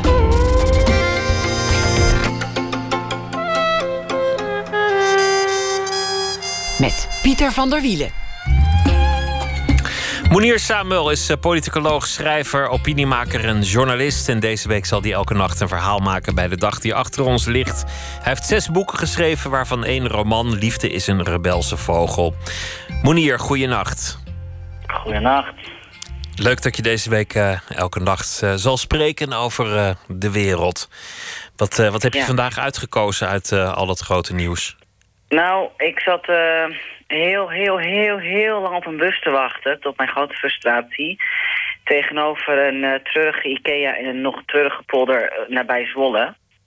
En eh, dat was echt zo'n Blue Monday morning. En ik las nieuws en ik werd er erg Blue Monday van. En al met al heb ik dus een erge, erge... Ja, Blue Monday column. Een, een week te laat, toch? Dat was toch vorige week Blue Monday? Of vergis ik Nou, me voor nu? mij was het vandaag. Hij was zelfs blauw-geel, want ik bleef naar die IKEA-blokkendoos kijken. Was er wel een bushalte? Of, of, eh, Ja, ja, het was Oh ja, dat wel. Maar er kwam geen bus. nou ja. Oké. Goed, ga je gang. Het is een druilerige ochtend en ik sta bij een verlaten bushalte in de Zwolse polder. Warm blazen in de handen. In de verte de blauwgele blokkendoos van Ikea. Doe het bijna zelf meubels voor de gewone man die dat net betalen kan. Op de weg rijden auto's met een zelfingenomen vastberadenheid... die ik me als vertwijfelde OV-gebruiker niet kan permitteren.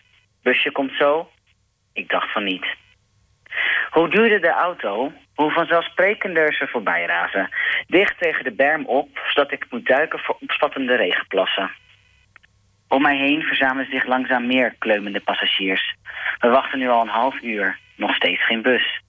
Ik scroll door de NOS-app en vraag me af hoe het zou zijn om in een mooie Mercedes met stoelverwarming en zelfontdooiende ruiten, waardoor je nooit hoeft te krabben in een land waar de winter toch al tot milde herfst verworden is, over het brede wegdek kan scheren.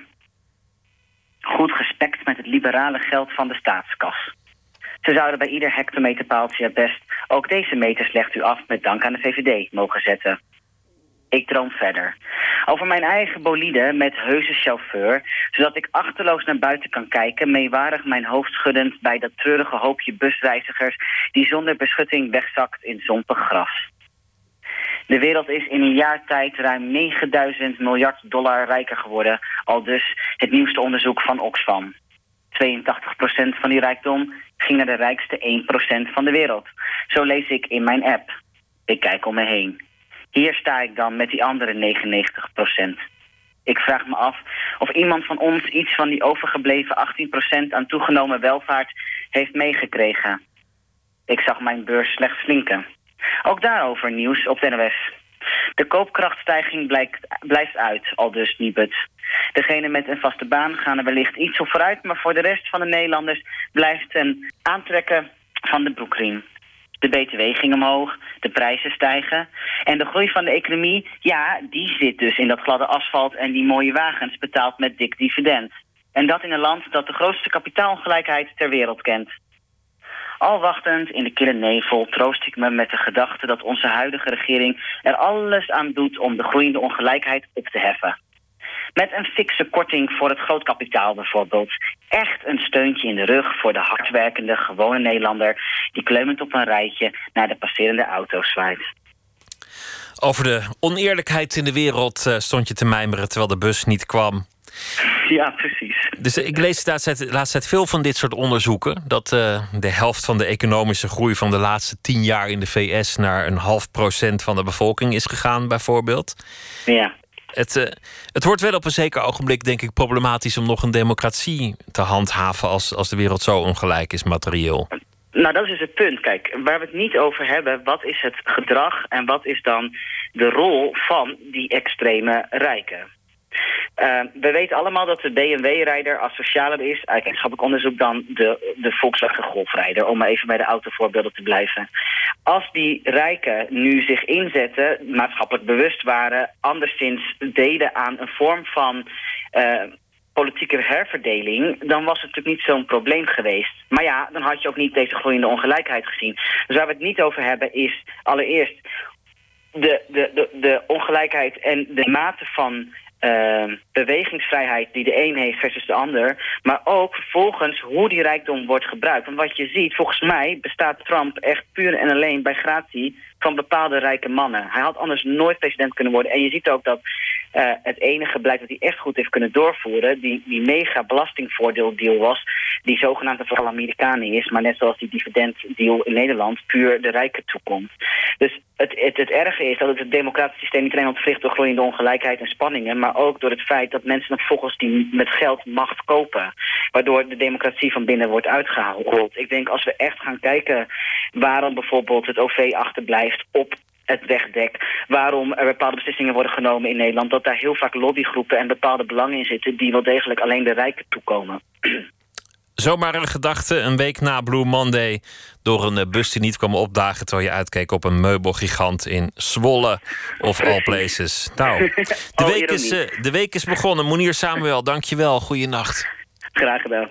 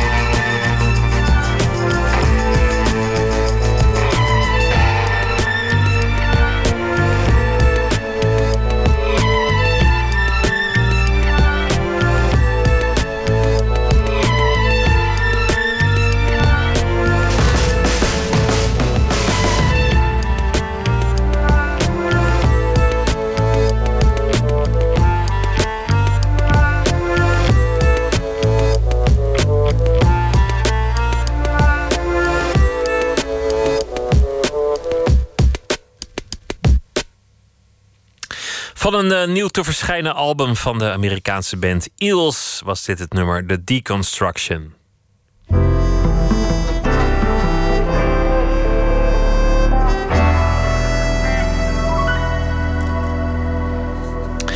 De rubriek heet Open Kaart 150 vragen over werk en leven. Te gast is uh, schrijver Anne-Fleur van der Heijden.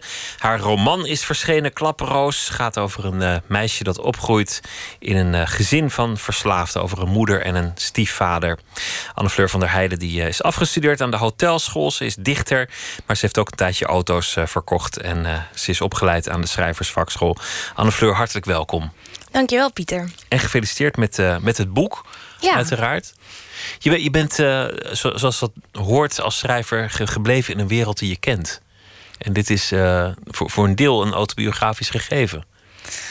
Um, ja, ik zal niet ontkennen dat er uh, semi-autobiografische elementen in het boek zitten. Um, het is natuurlijk. Um, ik, ik heb in de eerdere interviews ook niet ontkend dat mijn moeder en mijn stiefvader drugsverslaafd zijn geweest. Um, maar ik wilde graag het thema onderzoeken hoe het werkt, verslavingen en eenzaamheid en nader tot elkaar komen. En daarvoor heb ik een wel echt heel specifieke romanvorm gekozen. Dus wat in het boek staat is niet letterlijk waar en zo is het allemaal niet gegaan. Dit is wel degelijk een, een, een product van jouw fantasie. Maar het thema verslaving, dat ken je wel. Het thema verslaving, dat ken ik. En ik zou zeggen dat het 50% uh, fantasie is en de 50% dat, er, weet je wel, dat ik dat uit het leven gegrepen heb. Maar op het moment dat je een roman gaat stileren, um, dan, weet je wel, dan, dan, dan is het per definitie al niet meer helemaal waar. Net zoals dat je eigenlijk ook in het dagelijks leven niet de werkelijkheid kan vangen. Dus op het moment dat je die werkelijkheid ook nog gaat uh, stileren en manipuleren, dan blijft er weinig over. Je zegt, ik, ik ben opgegroeid met een moeder en een stiefvader die, die allebei ook verslaafd waren. Ja. Waar waren ze allemaal verslaafd aan? Um, nou, ze hadden voornamelijk een heroïneverslaving en allebei uh, gebruikten ze heroïne op een andere manier. Mijn stiefvader rookte het, Chinezen zoals dat heet. En mijn moeder die uh, spoot het echt. Wist jij dat als kind al? Was jij daarbij? Um, nou, net zoals mijn hoofdpersonage Noor in het boek um, was ik er als kind al bij, ja. Was dat dan voor jou normaal? Of had je altijd door dat dat, dat het iets anders was dan wat, je, wat andere kinderen meemaken? Dat is lastig te zeggen. Ik vind het zo'n dooddoener om te zeggen van... ja, als kind weet je niet beter. Maar dat is echt zo. Je weet het niet beter als kind. Weet je? je groeit op in een omgeving en je neemt alles aan voor waar, want je bent nog super blanco. En um, natuurlijk, als je dan ergens anders komt, dan denk je: Goh, het gaat hier wel anders aan toe. Of je voelt, je voelt wel intuïtief dat het warmer is. Maar ik denk niet dat je daar nog echt de vinger op kan leggen. Ik denk dat je als je ouder bent, veel meer doorhebt van: Oef, um, dit was toch niet, heel, niet een hele handige start van het leven. Het is, het, is een, een heel rauw boek. Alle dingen die erin beschreven staan, niet alleen over drugs, maar ook over andere problemen. Slechte relaties, mishandelingen in huis, over, uh, over dingen die, die het hoofdpersoon per personage ziet. Dat is, is allemaal zeer rauw en zeer chockerend. Maar het is geen boos boek, integendeel. Het is een heel liefdevol boek. Ja, nou ja, dat was ook wel echt uh, mijn opzet, al toen ik het boek ging schrijven. Uh, als we het hebben over die rauwheid, ik denk dat dat wel ook een, uh, een, een, stilistische keuze is geweest. Want ik denk, weet je wel, als het over thema's gaan die onderaan de samenleving spelen en over drugsverslaving, ja, ik vond het niet passen om dan een heel uh, om een hele bloemrijke taal te gaan gebruiken. Ik denk dat de taal zo kaal mogelijk in dienst stond van, van de roman. Heb ook uh, ja, heel droog, hele droge observaties. En alleen een metafoor als het echt die plek zich ervoor leende. En als we het dan hebben inderdaad over de liefde in het boek. Um, ja, ik wilde gewoon laten zien dat, dat er in verslavingen heel veel onzekerheid en juist een hele erge hang naar liefde zit. En um, hoe meer ik in die materie kwam, hoe beter ik dat begreep. En um, ja, die, die pijn die wilde ik blootleggen. Maar ook dus, weet je wel, dat in pijn uh, die hang naar liefde zit. Wat, wat bedoel je met die hang naar liefde? Waar, waarom zit er in verslaving een hang naar liefde? Nou, ik denk dat in. Uh, het is een goede vraag. ik ga heel even tijd rekken om een goed antwoord te formuleren. Um, ik denk dat verslavingen in het algemeen gepaard gaat met of iets te weinig zelfliefde. Um, Um, waardoor je bijvoorbeeld uh, vindt dat je minder waard bent en um, je, die, die gevoelens gaat dempen met verdovende middelen. Uh, maar ook op het moment dat je verslaafd bent geraakt door andere omstandigheden, uh, je raakt gevangen in die verslaving. En je wil eigenlijk heel erg nabijheid, maar door die verslaving stoot je heel erg mensen af. Ik denk namelijk dat een verslaving ook een soort vorm is van een moeder opzoeken. Moeder in de vorm van een fles of in, in drugs... of een soort van warme gevoelens uh, bij jezelf... maar dan met artificiële middelen oproepen is. En um, dat zag ik bijvoorbeeld heel erg bij Las... Uh, die dus een prominente rol heeft in Klaproos. Die was opgegroeid in een heel moeilijk gezin. Ze, ze, waren gevlucht voor de oorlog. Zijn vader had losse handen. Zijn moeder was super flamboyant. En weet je wel, die had eigenlijk geen aandacht voor haar kinderen... zoals ik het begreep van hem. En hij voelde zich heel erg afgewezen. En hij heeft niet die liefde van zijn ouders gehad... om een compleet persoon te worden... waardoor hij verslavingsgevoeliger raakte. Want hij wist met al die pijn, wist hij zich geen raad. En toen ontmoette hij een vriendin... Uh, zij gebruikte drugs. Nou, in een boze bui dacht hij, nou, dan doe ik dat ook. Nou, en toen bleek hij verslavingsgevoelig te zijn en uh, toen kwam hij er niet meer onderuit. Heb je nooit gedacht als kind, Jezus, slappelingen, hou er toch eens mee op. Kappers met die drugs. Ik zou niet ontkennen dat ik. Uh, nou ja, het is niet als kind. Als kind ben je gewoon. Als kind ben je er niet meer, maar ja, tiener nee. dan, zeg maar. Ja, tuurlijk. Ik bedoel, uh, ik ben ook een, ik ben een mens. Ik denk dat heel veel mensen die gevoelens hebben. Uh, uh, en ook dat heb ik geprobeerd uh, neer te zetten in mijn roman. Ik bedoel, Noor heeft uh, jarenlang geen contact met haar moeder en Las. En dat komt omdat ze boos is. Dus ja, um, dat is een, denk ik een heel logisch gevoel om boos te zijn op uh, op, op, op ouders met of een geestesziekte of met een verslaving. Maar ik, ik meen te horen in wat je zegt dat je, dat je, dat je nu zegt: ja, het is, het is niet verwijtbaar. Je kunt eigenlijk iemand niet zijn verslaving kwalijk nemen.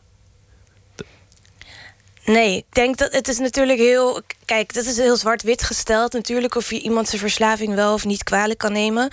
Um, kijk, op een,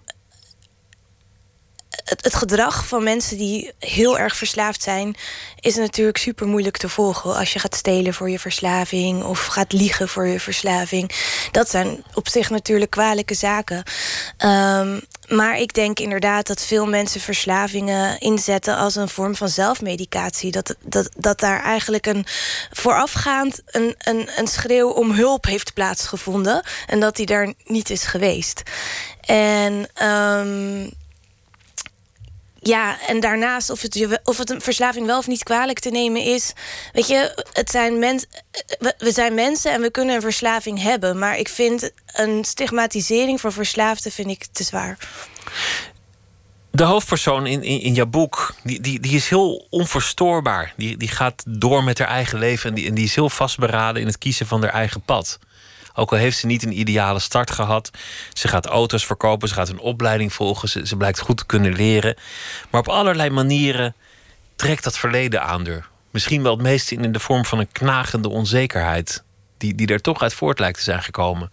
Ja. Maar het, het is een bewonderenswaardig personage geworden. Omdat ze, omdat ze toch doorgaat. Omdat ze toch inziet. Nou ja, ik moet verder. Ik moet hier vandaan. Ik moet dit, moet dit uh, ver achter me laten. Hoe is dat jou gelukt? Om, om toch je weg te vinden in, in, het, uh, in het bestaan?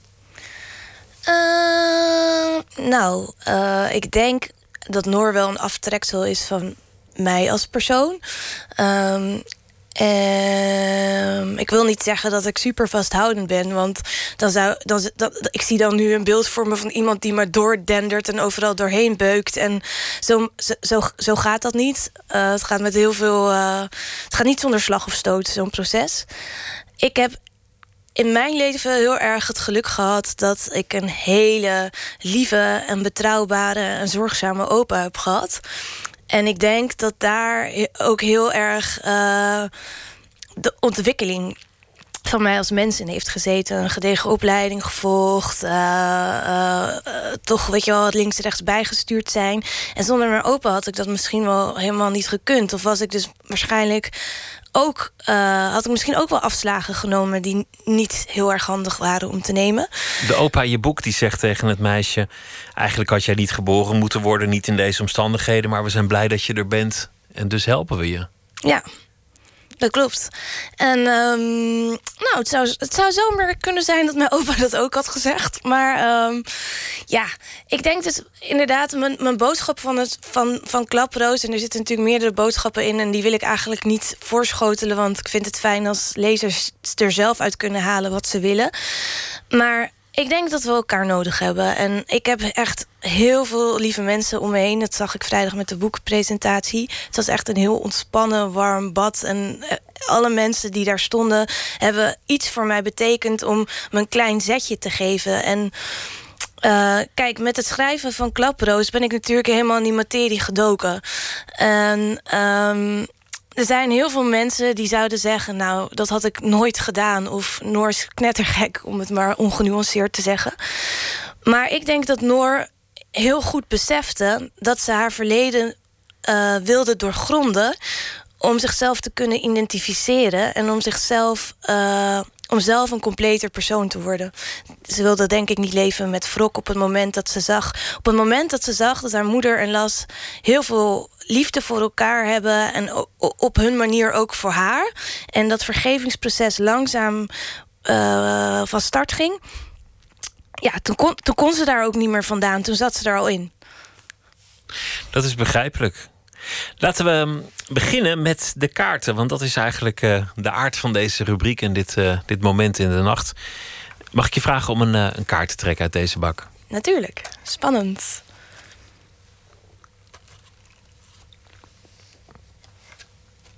Nou, wat vinden je ouders van je werk? Dat is een, meteen een hele toepasselijke vraag. Ja, zeker. Uh, wat vinden mijn ouders van mijn werk? Nou, ik denk dat uh, mijn opa, laat ik die maar als uh, ouder, ouder stellen. Uh, nou, mijn opa is hartstikke trots. Die is, denk ik, apetrots. En ik stond dus met een interview in het Parool. En dan zegt hij... God, dat je daar zo pagina's groot in staat, hè? Dus dat, daar zijn de kleine opmerkingen waaraan ik merk dat hij het... dat hij het mooi vindt. En je, en je dat moeder? Hij het mooi vindt. Ook, mijn moeder vindt het ook heel erg mooi. Mijn moeder was ook op de boekpresentatie. En ja, nee, die... oh ja, die heeft echt nog een stapel boeken gekocht om uit te delen. Want ze woont nu om een seniorencomplex. En nee, daar was ze ook heel groot op. Nou, dat, dat, dat lijkt me best iets om, om, om eventjes zenuwachtig over te zijn. Of, of iedereen in je, in je familie dat gaat waarderen en kan zien als literatuur. En niet gaat zeggen, nou zo ging het helemaal niet. Of, uh, ja, of, dat, of dat soort dingen. Dat was doodeng. Dat is denk ik ook de grootste drempel die ik over moest om Klaproos te publiceren. Kijk, wat ik net al zei, het boek is gewoon een mengeling van dingen die uit het leven gegrepen zijn. En dingen die ik er zelf bij heb bedacht omdat ik een, een, een roman wilde schrijven. Maar goed, er zullen inderdaad. Uh, uh, herkenningspunten zijn. En, uh, en ik vreesde ook heel erg voor mijn moeder, inderdaad. Maar uh, ze gaat er echt heel goed mee om. Mooi. Ja. Laten we nog een vraag doen. Oh, ze zit allemaal aan elkaar geplakt. Ja, oh, dan is er koffie overheen gegaan. Wat goor zeg, gadverdamme. Waar geef je het meeste geld aan uit? Nou, daar kan ik uh, heel kort over zijn. Aan uh, paarden. Paarden? ja. ik, uh, ik heb een, uh, ik, of tenminste, ik had een leasepaard samen met iemand. En uh, nou ja, die hebben we nu samen. En een paard kost best wel veel, wat geld. Um, en ondanks dat ik nog nog geen broodschrijver ben. Dus je kunt je iets voorstellen van misschien wat mijn salaris zou kunnen zijn. Gaat er denk ik dus bijna een kwart van mijn salaris uit aan, aan, aan het paard. Nou ja, je kunt je geld aan veel ergere dingen uitgeven, zoals je zelf uh, weet. Dus uh, ja. een paard is volgens mij een mooie bestemming. Ja. Neem nog een kaart als je wil. Oh god. ik, ik wilde nu doen alsof ik deze vraag niet heb gezien. Ehm, wat is je grootste angst? Hmm. Nou, ik kan dit wel misschien ook weer even terug naar klaploos trekken. Ehm, ik denk dat net voor Noor is haar grootste angst, denk ik, dat haar leven niet lukt. Dat ze niet kan bewijzen dat ze anders is dan haar moeder en Las en haar oma. En ik ben dit jaar 30 geworden en ik weet echt dat het nog geen uh, mega groot levensgetal is. Maar ik kan s'nachts in paniek wakker worden en dan in één keer denken: wat heb ik bereikt? En dan krijg ik paniek. En dan ben ik ook bang dat ik in die paniek het echt verlies. Dat is mijn grootste angst. Daar, lijkt een soort vrees achter te zitten van je bent voor een dubbeltje geboren, je zult nooit een kwartje worden. Of, uh, of alsof, je, alsof je afkomst een soort vloek is die moet, moet uitkomen.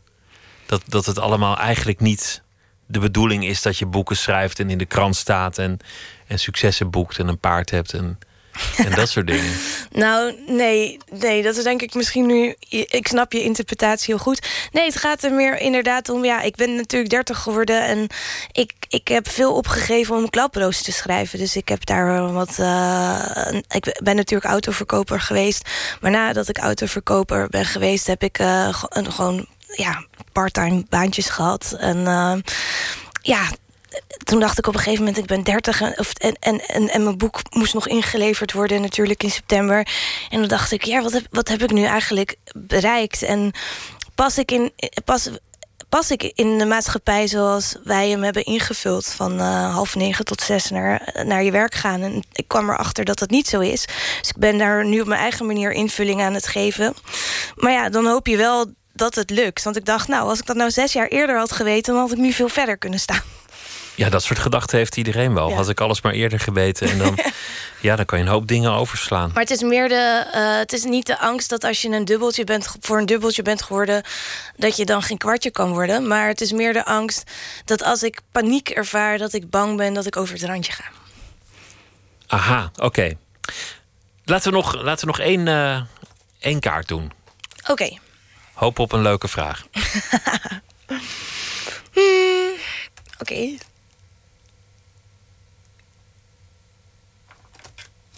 Wat is volgens jou de beste plek om te wonen? Nou, ik denk dat de beste plek om te wonen is waar in ieder geval veel geliefdes in de buurt zijn. Uh, maar ik ben echt heel erg gek op Spanje. Dus ik hoop uh, in een toekomst dat daar een tweede huisje komt. En waar in Spanje of maakt dat niet uit? Nou, ik heb zelf uh, heel toevallig, net zoals Noor, een tijdje in Barcelona gewoond. Um, en ik vind dat wel een hele fijne stad. Want je hebt daar alles. Je hebt daar de strand, je hebt daar bergen, je hebt daar uh, historie. Uh, je kunt er lekker eten en drinken. En het is heel, uh, ja, het is, heel, het is een hele rijke, hele rijke stad. Een geweldige stad is het. Ja. Ik hoop dat het uh, lukt. Het boek heet Klapperoos en uh, is vanaf heden verkrijgbaar in de winkel. En ik wens je heel veel uh, succes, Anne Fleur van der Heijden. Dank je wel. Dank je wel voor het gesprek, Pieter.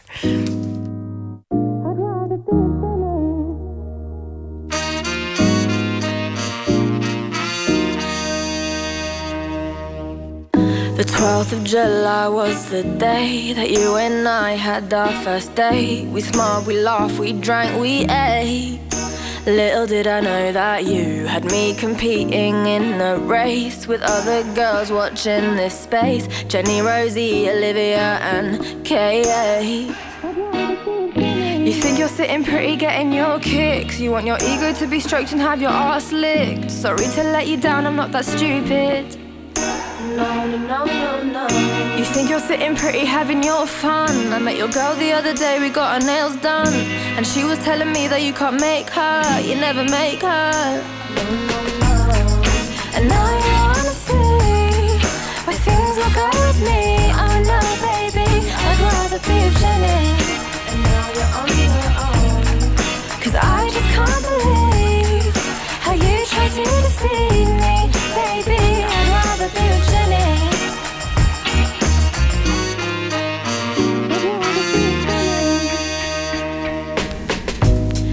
Tripped over your lie, and now you're stuttering, mumbling. Oh no, baby, please, why? but your eyes can't hide from me. Thought you could just sit pretty, getting your kicks, and pull the wool over our eyes and think of your dick. Sorry to let you down, we're not that stupid. We're not that stupid. You think you're sitting pretty, having your fun. I met your girl the other day, we got our nails done, and she was telling me that you can't make her, you never make her. And now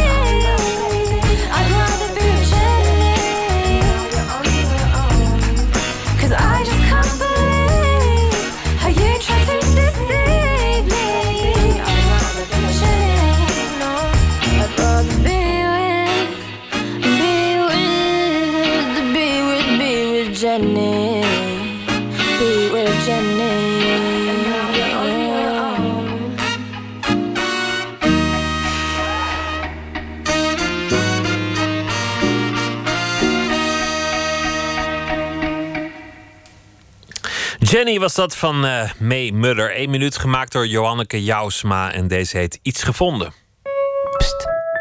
Eén minuut. Daar lag ik dan, voor onbepaalde tijd. De strijd een jaar lang aangegaan, maar nu verloren. Zwak en energiek tegelijk. Iedere dag hetzelfde ritme, iedere dag gecontroleerd.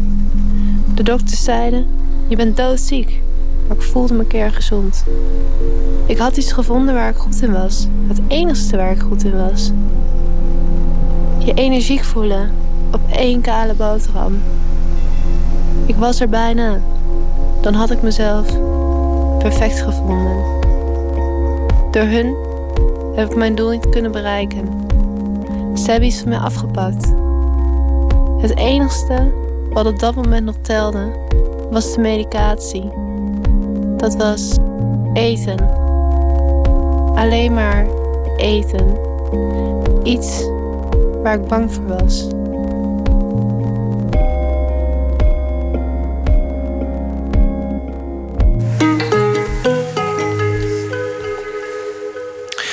Komend weekende kun je tijdens één dag kennis maken met twaalf van de grootste dodendenkers ooit. Niet alleen omdat ze ooit geschiedenis hebben geschreven, maar ook omdat we hun gedachten nu nog goed kunnen gebruiken. Deze week elke nacht een eh, voorproef van wat eh, die dag in het weekend gaat brengen.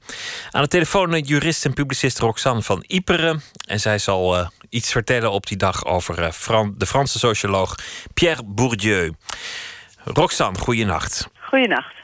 Ehm, waarom heb jij eh, Pierre Bourdieu uitgekozen? Waarom is hij belangrijk voor jou? Nou, hij is eigenlijk eh, belangrijk voor mij omdat ik al heel lang bezig ben met het bestuderen van eh, machtsstructuren. Ehm, en als je je daarmee bezighoudt, dan, nou ja, dan, dan brengt dat je over het hele spectrum van ehm, eh, zeer liberaal tot aan, eh, nou ja, tot aan Marx eigenlijk. En Bourdieu kan ik me herinneren, die kwam ik een hele tijd geleden kwam ik die tegen. Ik denk ja, misschien 15 jaar geleden al wel. Ehm, en die had bepaalde elementen in zijn werk, niet al zijn werk, maar bepaalde elementen in zijn werk die mij wel echt, eh, nou, echt wel een, een, een sprankeling in mijn, eh, in mijn denken over dit onderwerp hebben, hebben gebracht. Wat was zo'n gedachte die jou meteen raakte? Nou ja, een van de centrale thema's eigenlijk in, in, in veel van mijn werk is, is een beetje de maakbaarheidsreligie die heerst in het, in, nou, niet alleen in Nederland, maar eigenlijk wel in het hele westerse denken. Ehm, om het heel simpel te zeggen, de gedachte, als je gewoon hard werkt, dan, nou ja, dan, dan red je het wel. En dat is een beetje in een soort omgekeerde logica terechtgekomen. Als je dus eh, het niet redt, dan heb je dus niet hard gewerkt. Ehm, en die kwam ik bij hem, kwam ik daar best wel een, een aantal mooie verklaringen daarvoor tegen. Dat als je zo lineair denkt, dus stapsgewijs, met hard werken kom je er wel, dat dat niet verklaart waarom zoveel mensen achterblijven. En Bourdieu zegt eigenlijk, je kunt niet zo lineair denken. Dat is een leuke theorie, maar in de praktijk werkt dat niet zo. De samenleving bestaat uit, ehm, nou ja, uit een dynamiek. Alles heeft een wisselwerking op elkaar. nou ja, dat is een van de dingen die, die mij een, een stap verder hielp in die tijd. Iedereen die over zijn eigen leven nadenkt, zal geneigd zijn toe te geven dat er veel toeval ook in het spel is. Dat Mhm. welke baan je hebt gekregen, dat is voor een deel toeval en, en waar je terecht bent gekomen. Maar toch houden we maatschappelijk maar vast aan die maakbaarheid van succes. Dat is eigenlijk merkwaardig. Hoe kan dat? Nee, want het brengt natuurlijk ook een heleboel. Ehm, als je kijkt naar de, de, de, eh, de, nou, de periode waar, waar ik het over zal hebben... De, de afgelopen decennia, sinds de val van de Berlijnse muur... is dit denken natuurlijk gemeengoed geworden... dan eh, zie je de opkomst van ehm, eh, de succesinterviews... de TEDx-praatjes, de Oprah Winfrey-shows. En wat is daar de meest hoopvolle gedachte? Is ik, ehm, nou ja, eigenlijk een beetje de American Dream. Ik had misschien ooit niet zoveel kansen, ik had niet zoveel... maar met heel hard werken kijk eens waar ik terecht ben gekomen. Ja, dat is natuurlijk heerlijk naar te kijken. Ik ben groot fan van Oprah mijn hele leven geweest. Ehm, en eh, dat soort shows zijn natuurlijk om te smullen. Maar er klopt helemaal niets van. Maar om als succesvol persoon heel eerlijk in een interview te zeggen... ehm, ik ben nu succesvol, ik ben eh, een hele bekende schrijver... of ik ben miljonair, of ik heb eh, eh, een, een start-up eh, grootgebracht... Ehm, en dan te zeggen, nou ja, eigenlijk was misschien 90% daarvan... was het gezin waar ik ben gekomen. De mensen die ik onderweg ben tegengekomen. De kansen die, nou ja, inderdaad voor een groot deel van toeval afhankelijk zijn. In plaats van, ja, ik heb gewoon heel hard gewerkt... en daarom ben ik zo succesvol. Ja, dat, dat is geen natuurlijke manier van je succes verklaren. Hoe lost Bourdieu dit op? Want hij zegt je moet niet lineair denken. Hoe, hoe moet je het dan doen volgens hem? En hoe moet je dan de samenleving inrichten? Nou ja, Bourdieu begint eigenlijk met te zeggen... we moeten af van eh, eh, eh, kapitaal alleen maar zien als geld. Dus succes is, is het, nou ja, het, het vergaren van zoveel mogelijk geld. Hij ziet in kapitaal ook andere ehm, rugzakken die je met je meedraagt. En dat zijn eh, bijvoorbeeld cultureel kapitaal. Ben jij opgevoed in een omgeving waarin je bijvoorbeeld naar musea bent geweest... of heb je dat nog nooit in je hele leven gezien? Ehm, eh, talig kapitaal, dus eh, praat je met een, een, zwaar Amsterdams accent... of praat je heel bekakt. Je hebt sociaal kapitaal, symbolisch kapitaal, je status. En hij zegt, als je naar die dingen kijkt dan bepalen die vormen van kapitaal al je instappositie in een bepaalde omgeving. Dus neem bijvoorbeeld, ehm, eh, jij wil graag succesvol worden als eh, eh, journalist. Hoe kom je dan überhaupt zo'n redactie binnen? Nou, daar gaan eigenlijk al tien treden aan vooraf... waar je een bepaalde mate van kapitaal moet hebben... die bijvoorbeeld iemand die helemaal niemand in zijn netwerk heeft... ehm, die helemaal die taal niet spreekt, die mensen niet kent... die scholing niet heeft. Als je al die stappen al niet hebt... dan is dat hele adagium van hard werken en je komt er wel... is eigenlijk een lege huls. Dus hij zegt je moet kapitaal vergaren. Maar, maar dat kan niet iedereen zelf zomaar. Nee, dus wat je eigenlijk moet doen is kijken wat mensen nou al aan... in ieder geval, dat is dan mijn interpretatie van dit verhaal... ehm, is kijken wat mensen al aan kapitaal met zich meedragen. Ehm, eh, een, een heel nou, een, simplistisch, maar wel leuk voorbeeld... wat ik vaak noem, is eh, toen ik nog in de advocatuur werkte... had je, eh, dat, dat, zie je nu ook, zijn veel interviews over mensen die zeggen... bijvoorbeeld de Zuidas, daar is helemaal geen diversiteit. En dan wordt vaak gezegd, nou, bijvoorbeeld mensen met een andere achtergrond... dat zijn vaak prinsen en prinsessen. Dat zijn de eerst afgestudeerden van ehm, hun familie. Dus als je daar kritiek op levert, dan vallen ze af. Dat stond laatst letterlijk zo in een interview in het FD. Sowieso redelijk eh, grappig om dat na te lezen. Als je dan kijkt naar ehm, dat bijvoorbeeld iemand die uit een advocatenfamilie... een jonge jongen, daar vandaan komt... als die met een bepaalde attitude eh, zich door kantoor beweegt... dan wordt gezegd, ja, dat is een natuurlijk leider. Dus dat kapitaal wordt een bepaalde waarde toegekend. Terwijl iemand met misschien een andere achtergrond... in plaats van te eisen dat die zich precies hetzelfde opstelt... kun je ook kijken, wat brengt die nou met zich mee... wat wij misschien nog helemaal niet kennen... en nog helemaal niet op waarde schatten. Um, dus dat is een beetje mijn interpretatie van dit verhaal. Probeer nou niet elke keer mensen in dezelfde mal te stoppen... maar kijk nou eens naar het kapitaal wat zij meebrengen... wat wij misschien nog helemaal niet kennen. De schaarste die zij toevoegen. Het, het Ja. lijkt, Bourdieu hij heeft ook geschreven over, uh, over media en, en, en, nog wat onderwerpen. Alsof hij nu, wat is het, 20, 30 jaar later... meer geciteerd wordt dan ooit. Alsof hij ineens weer heel erg een actualiteit heeft gewonnen. Heb jij dat beeld ook? Ja, maar hij wordt ook wel meer gehaat dan ooit, hoor. Um, ik, ik merk ook wel dat er... Uh, nou, misschien is dat uh, ook een beetje natuurlijk het, de, de, grote tegenstellingen... die we überhaupt nu meemaken. Um, ja, je hebt, uh, hij stond even kijken, een week geleden nog op de voorpagina van Le Monde. Uh, dus kijk, in Frankrijk is hij nog steeds heel groot. In sociologische kringen en filosofische kringen is hij nog steeds heel groot. Maar bij het brede publiek is hij zeker niet bekend.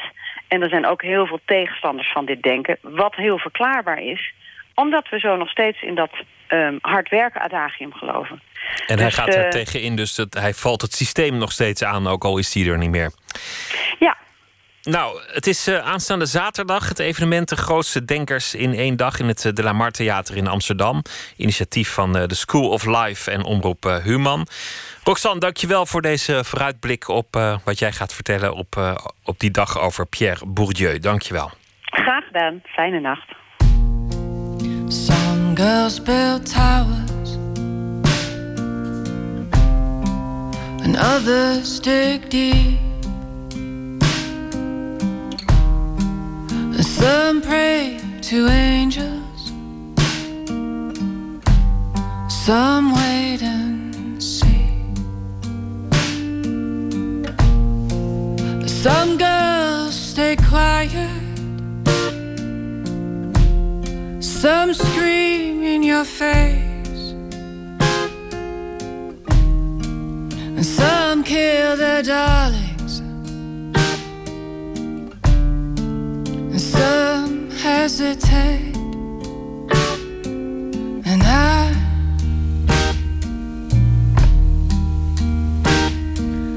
I was an average woman.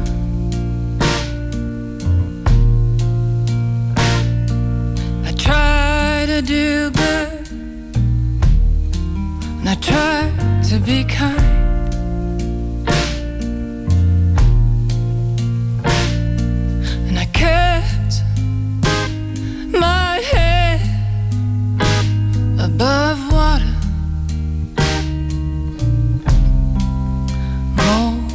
Of the time. Most of the time.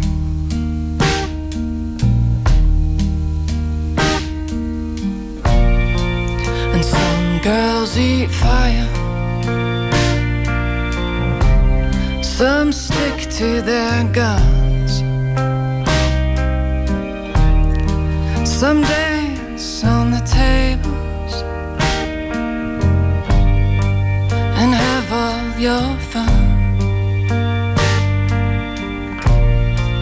And some girls have answers, and some retaliate,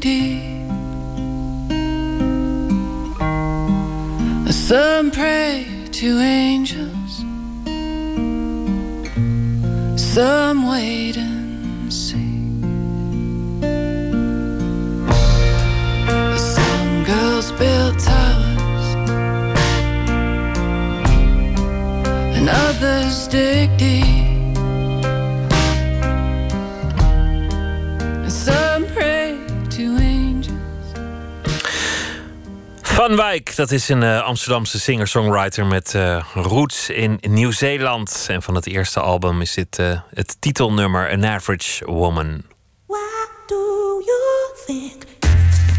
Eén ster. Kom op, twee sterren. Vier.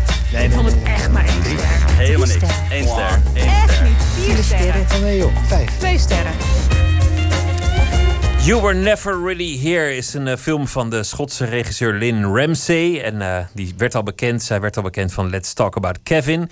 Hij draait al twee weken. Zo'n beetje alle kranten gaven vijf sterren voor deze film. Wordt al eh, gezien als de film van het jaar. Beetje vroeg in januari.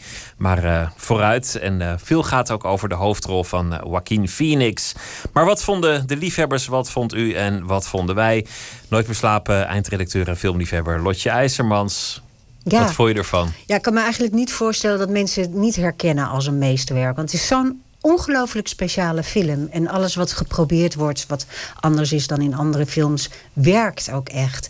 Dus eh, het is een geweldige film.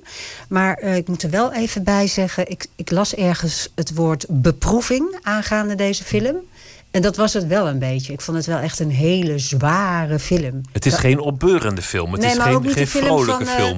hey, leuk, gezellig vanavond naar de film. Dat, dat is het niet. Maar wel briljant gespeeld. Ja. Ook, ook fantastisch het, dat, dat de onbetrouwbare verteller hier eh, heel mooi ja, wordt je weet gebruikt. Niet, niet zeker of hij, eh, wat er gebeurt, of hij dat echt meemaakt, of dat het alleen zich in zijn hoofd afspeelt. Het is eh, eigenlijk een, een heel eh, simpel verhaaltje. Hè. Joaquin Phoenix is eh, een in zijn, in zijn jeugd mishandelde ex-militair, een volop getraumatiseerd iemand. En hij verdient zijn, de kost door mensen de schedel in te slaan met een hamertje. Gewoon een huistuin- en keukenhamertje wat je koopt bij de gereedschapswinkel. En eh, hij doet dat zo rukzichtloos en zo keihard. Ehm, hij doet dat niet bij iedereen. Hij doet alleen dat bij mensen die eh, eh, kinderen misbruiken of vrouwen misbruiken. Dus hij eh, handhaaft de orde in, in die vieze wereld, zeg maar. En op een dag krijgt hij de opdracht een minderjarige dochter van een senator uit een pedofiele netwerk te redden. En dat gaat hij ook doen, maar dat blijkt uit zulke machtige mensen te, besta- te bestaan, dat netwerk, dat die zich natuurlijk tegen hem keren. En dan is het een kwestie van eh, wraak op wraak. En eh, ja, het is eigenlijk zo'n verhaaltje uit een actiefilm of een wraakfilm, een genrefilm, maar dan helemaal anders. Maar toch, toch is iedereen het erover eens. Dit is een meesterwerk. En dat is, daar kun je eigenlijk niet aan ontsnappen als je Nee. de film ziet. Hoewel het niet een vrolijke film is. Wat maakt het zo'n meesterwerk? Ja, het is eigenlijk de manier waarop het verteld wordt. En dat is dus eh, de verdienste van Lynn Ramsey, die ook het scenario schreef. Maar ook de regie en eh, de montage. Het, genre actiefilm of wraakfilm of hoe het ook heet, is eigenlijk eh, totaal binnenstebuiten gekeerd. En waar normaal gesproken de, de nadruk op wordt gelegd, wordt juist nu niet de nadruk op gelegd. Het, het geweld wordt wel in beeld gebracht hoor, en ook best wel plastisch. Maar toch, er wordt niet zo op ingezoomd en het is niet zo vet als in normale actiefilms. Maar je komt net een- moment later de actie eh, in, als het, als het geweest is. Of er wordt met een, beetje vervreemde blik wordt het verteld. En dan is natuurlijk het spel van eh Joaquin Phoenix, die echt eh, ja, een geïmplodeerd iemand eh uitbeeldt. Met, met, een, met een gespierd, doch afgetakeld lichaam. Met permanent. Ja, gespierd, maar toch meer vet dan spieren, denk Ja, ik. Zo vet op spier. En, en dan heeft hij heeft ook heel erg eh, gewerkt om dat lichaam te krijgen. Ja. En dan ook permanent vochtige ogen. Nou, gewerkt. Ik denk dat hij vooral gegeten heeft eigenlijk. Nou, ik, ik las ergens eerst gewerkt en toen gegeten. Ja, ja. Dus een soort dubbele dieet. Ja, het is ook eh, echt helemaal geen, eh, geen macho-film. Want ook, eh, normaal zou hij dan natuurlijk die zielige kindjes eh, redden... en dan is hij een held. Maar hij is geen held. Hij, hij is een... ja, heel kwetsbaar iemand eigenlijk met wie je te doen hebt. En, en dat is ook het mooie. eh, als het over machismo gaat. Het meisje waar, waar het over gaat, die hij moet redden, die redt uiteindelijk zichzelf. Dus ook daar eh, is, er zit een soort eh, vervreemdende twist in hoe de film verteld wordt. Hoe De held die maar geen wordt. held wil, wil Ja. worden. We gaan luisteren naar de trailer. Where do you spend your time? What do you do? All day long. It's done. Man called. He wants to see you. State Senator Albert Vato. He doesn't want to get the cops involved. He wants to meet you. You have kids, Joe? Nina. 235 East 31st Street. I've heard of these places. If she's there, I'll get her. Cleary said you were brutal. And it can be. Ja, je hoort, je hoort ook wel, tenminste, ik weet niet of het jou opvalt, maar de muziek is dus van eh, Johnny Greenwood, de gitarist van Radiohead. En ik vond de, de, de score van de film echt meedogenloos. Het was Je echt. hoort hier al meteen een heel andere trailer Ja. dan voor de gemiddelde actietrailer. Ja, maar die, die muziek en ook het sounddesign van deze film is, is ook een beproeving. Ja, echt werkelijk af en toe. een soort doet pijn aan je oren. En ondersteunt dan ook nog dat, dat wierde beeld. Dan dat scenario met al die eh, twists. Het is echt eh, iets heel anders dan een genrefilm. Dat gaat eigenlijk allemaal ook voor een groot deel over, over script. Ja. Maar het, het boek, want het is een verfilming van een boek, wordt eigenlijk nergens aangeduid als een meesterwerk of, of, of een heel bijzonder Nee, boek. Nee het is van een eh, Jonathan Ames. Ik ken hem niet. Hij is ook scenario schrijver. En hij, schrijft eh, een, beetje ja, thrillers, een beetje Raymond Chandler-achtige boeken. Ik heb het zelf niet gelezen hoor. Maar eh, ja, het was een, een novelle. En die is Lynn Ramsey dus gaan bewerken. Maar voordat ze.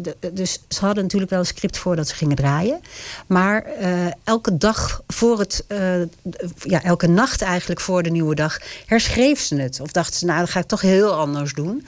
En ook de scènes die ze draaiden, draaiden ze de ene keer boos, de andere keer eh, agressief. Eh, of ja, dat is hetzelfde. De ene keer boos, de andere keer verdrietig. Dus iedere keer gaven ze dat eh, een andere lading. En op de persconferentie in Cannes afgelopen zomer zei Joaquin Phoenix er het volgende over. I think it probably helped that there was um, kind of a, an uncertainty of how the day was going to unfold. Um, and there's something really exciting about that. And I think it makes everybody um, stay really focused and work really hard. Because sometimes when you have a script that's perfectly kind of laid out and you go, oh, well, we're just shooting this scene and that scene, everyone kind of just settles into their job. And, and there wasn't that feeling on this set. There was no just this is your job and we just show up and do this. Um, I think we were always trying to uncover something else. We would shoot something and say that's that's not enough. Permanent zoeken. Niet zeggen, oké, dit moet je draaien, Nee. dit komen we halen, we hebben het wel, it's a rap. Maar, maar steeds zoeken. Het is natuurlijk ook een bijzondere acteur, die, die heel Ja, selectief is in, in, in wat hij doet. Ja. Die, die ook gewoon niks doet als er niet een rol komt die hem, hem bevalt. Kreeg al een prijs in Cannes vorig jaar en dit wordt een Oscar. Ja, weet ik niet. Dat, dat, ligt volgens mij weer aan allerlei politieke toestanden. Maar ja, het, eh, Phoenix is geweldig. Maar ik vind eh scenarist en regisseur Lynn Ramsey... die hem de gelegenheid gaf om te schitteren in deze rol... ook geweldig. Want eh, hij is een moordenaar, hij is getraumatiseerd... maar hij is ook heel kwetsbaar. En, en zij laat dus als een psycholoog al die verschillende kanten eh, van hem zien. En haar grote voorbeeld eh, als regisseur was Ingmar Bergman. En luister wat zij erover zei in Cannes.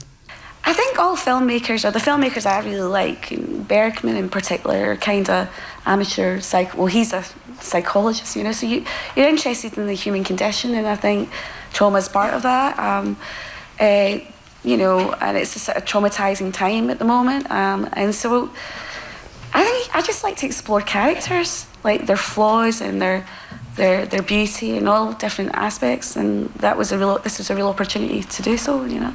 Mooi ook, dat Schotse accent eh, ja, zo'n lief stemmetje. En, en, en eh, enigszins eh, verlegen komt ze over. En dan zo'n meedogenloze film maken. Ik vond het wel bijzonder.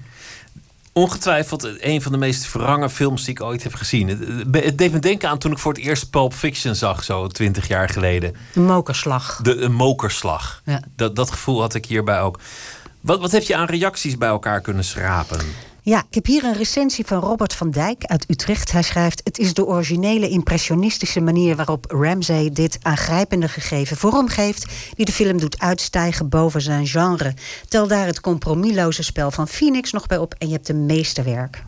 Ja, Ja, je hebt ook, die die moet jij even voorlezen, een hele negatieve reactie. Ja, ik zie hem hier. ehm, Michiel Lettips uit Heemstede had graag een leuke avond willen hebben. Maar hier komt hij. Wat een kutfilm. Artsy-fartsy gedoe. Het karakter is eigenlijk net zo plat als in de eerste de beste actiefilm.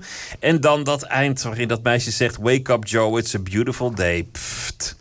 Ja, oké, moet kunnen. Hier is eh, Marita Rosa uit Aalsmeer die zegt... geweldige film met weinig dialoog en daardoor des te dreigender. Het beeld vertelt het verhaal met steeds die kleine geweldexplosies. De man met de hamer is angstaanjagend, maar eigenlijk ook hartverscheurend. En nog eentje van Luc Imhan die zegt... als ik terugdenk aan deze film... denk ik aan het imposante postuur van Phoenix. Maar ik denk ook aan Lynn Ramsey... die zes jaar na We Need to Talk About Kevin... opnieuw een film heeft gemaakt... over het meedogenloos kunnen zijn. Ze laat zien waarom we meer vrouwelijke regisseurs nodig hebben. Vooral de manier waarop ze agressie toont is verfrissend. Niet eh, de agressieve geweldsporno die je normaal ziet... vol testosteron. Maar hier is het meer als nevenschade... in een zoektocht naar verlossing. Nou, dat is mooi Nou, mooi, gezegd. hè? Ja. Ja, vind ik ook. Dus blijf alsjeblieft je reacties sturen. Hè? Ja, naar eh, Nooit meer slapen via de website, Facebook en eh, andere fora. Lotje IJzermans. Nee, wacht nog. Er is een nieuw e-mailadres. Oordeelzelf.vpro.nl Oh, nou. Oordeel zelf, vpro.nl. Lotje IJzermans, dank je.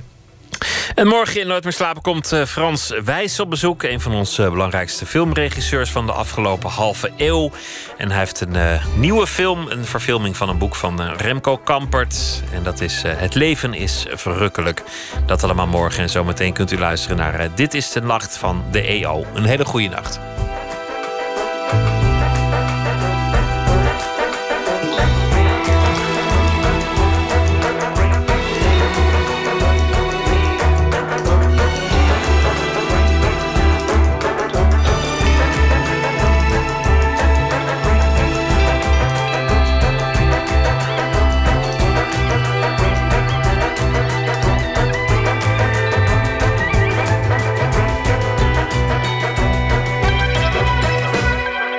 Radio 1, het nieuws van alle kanten.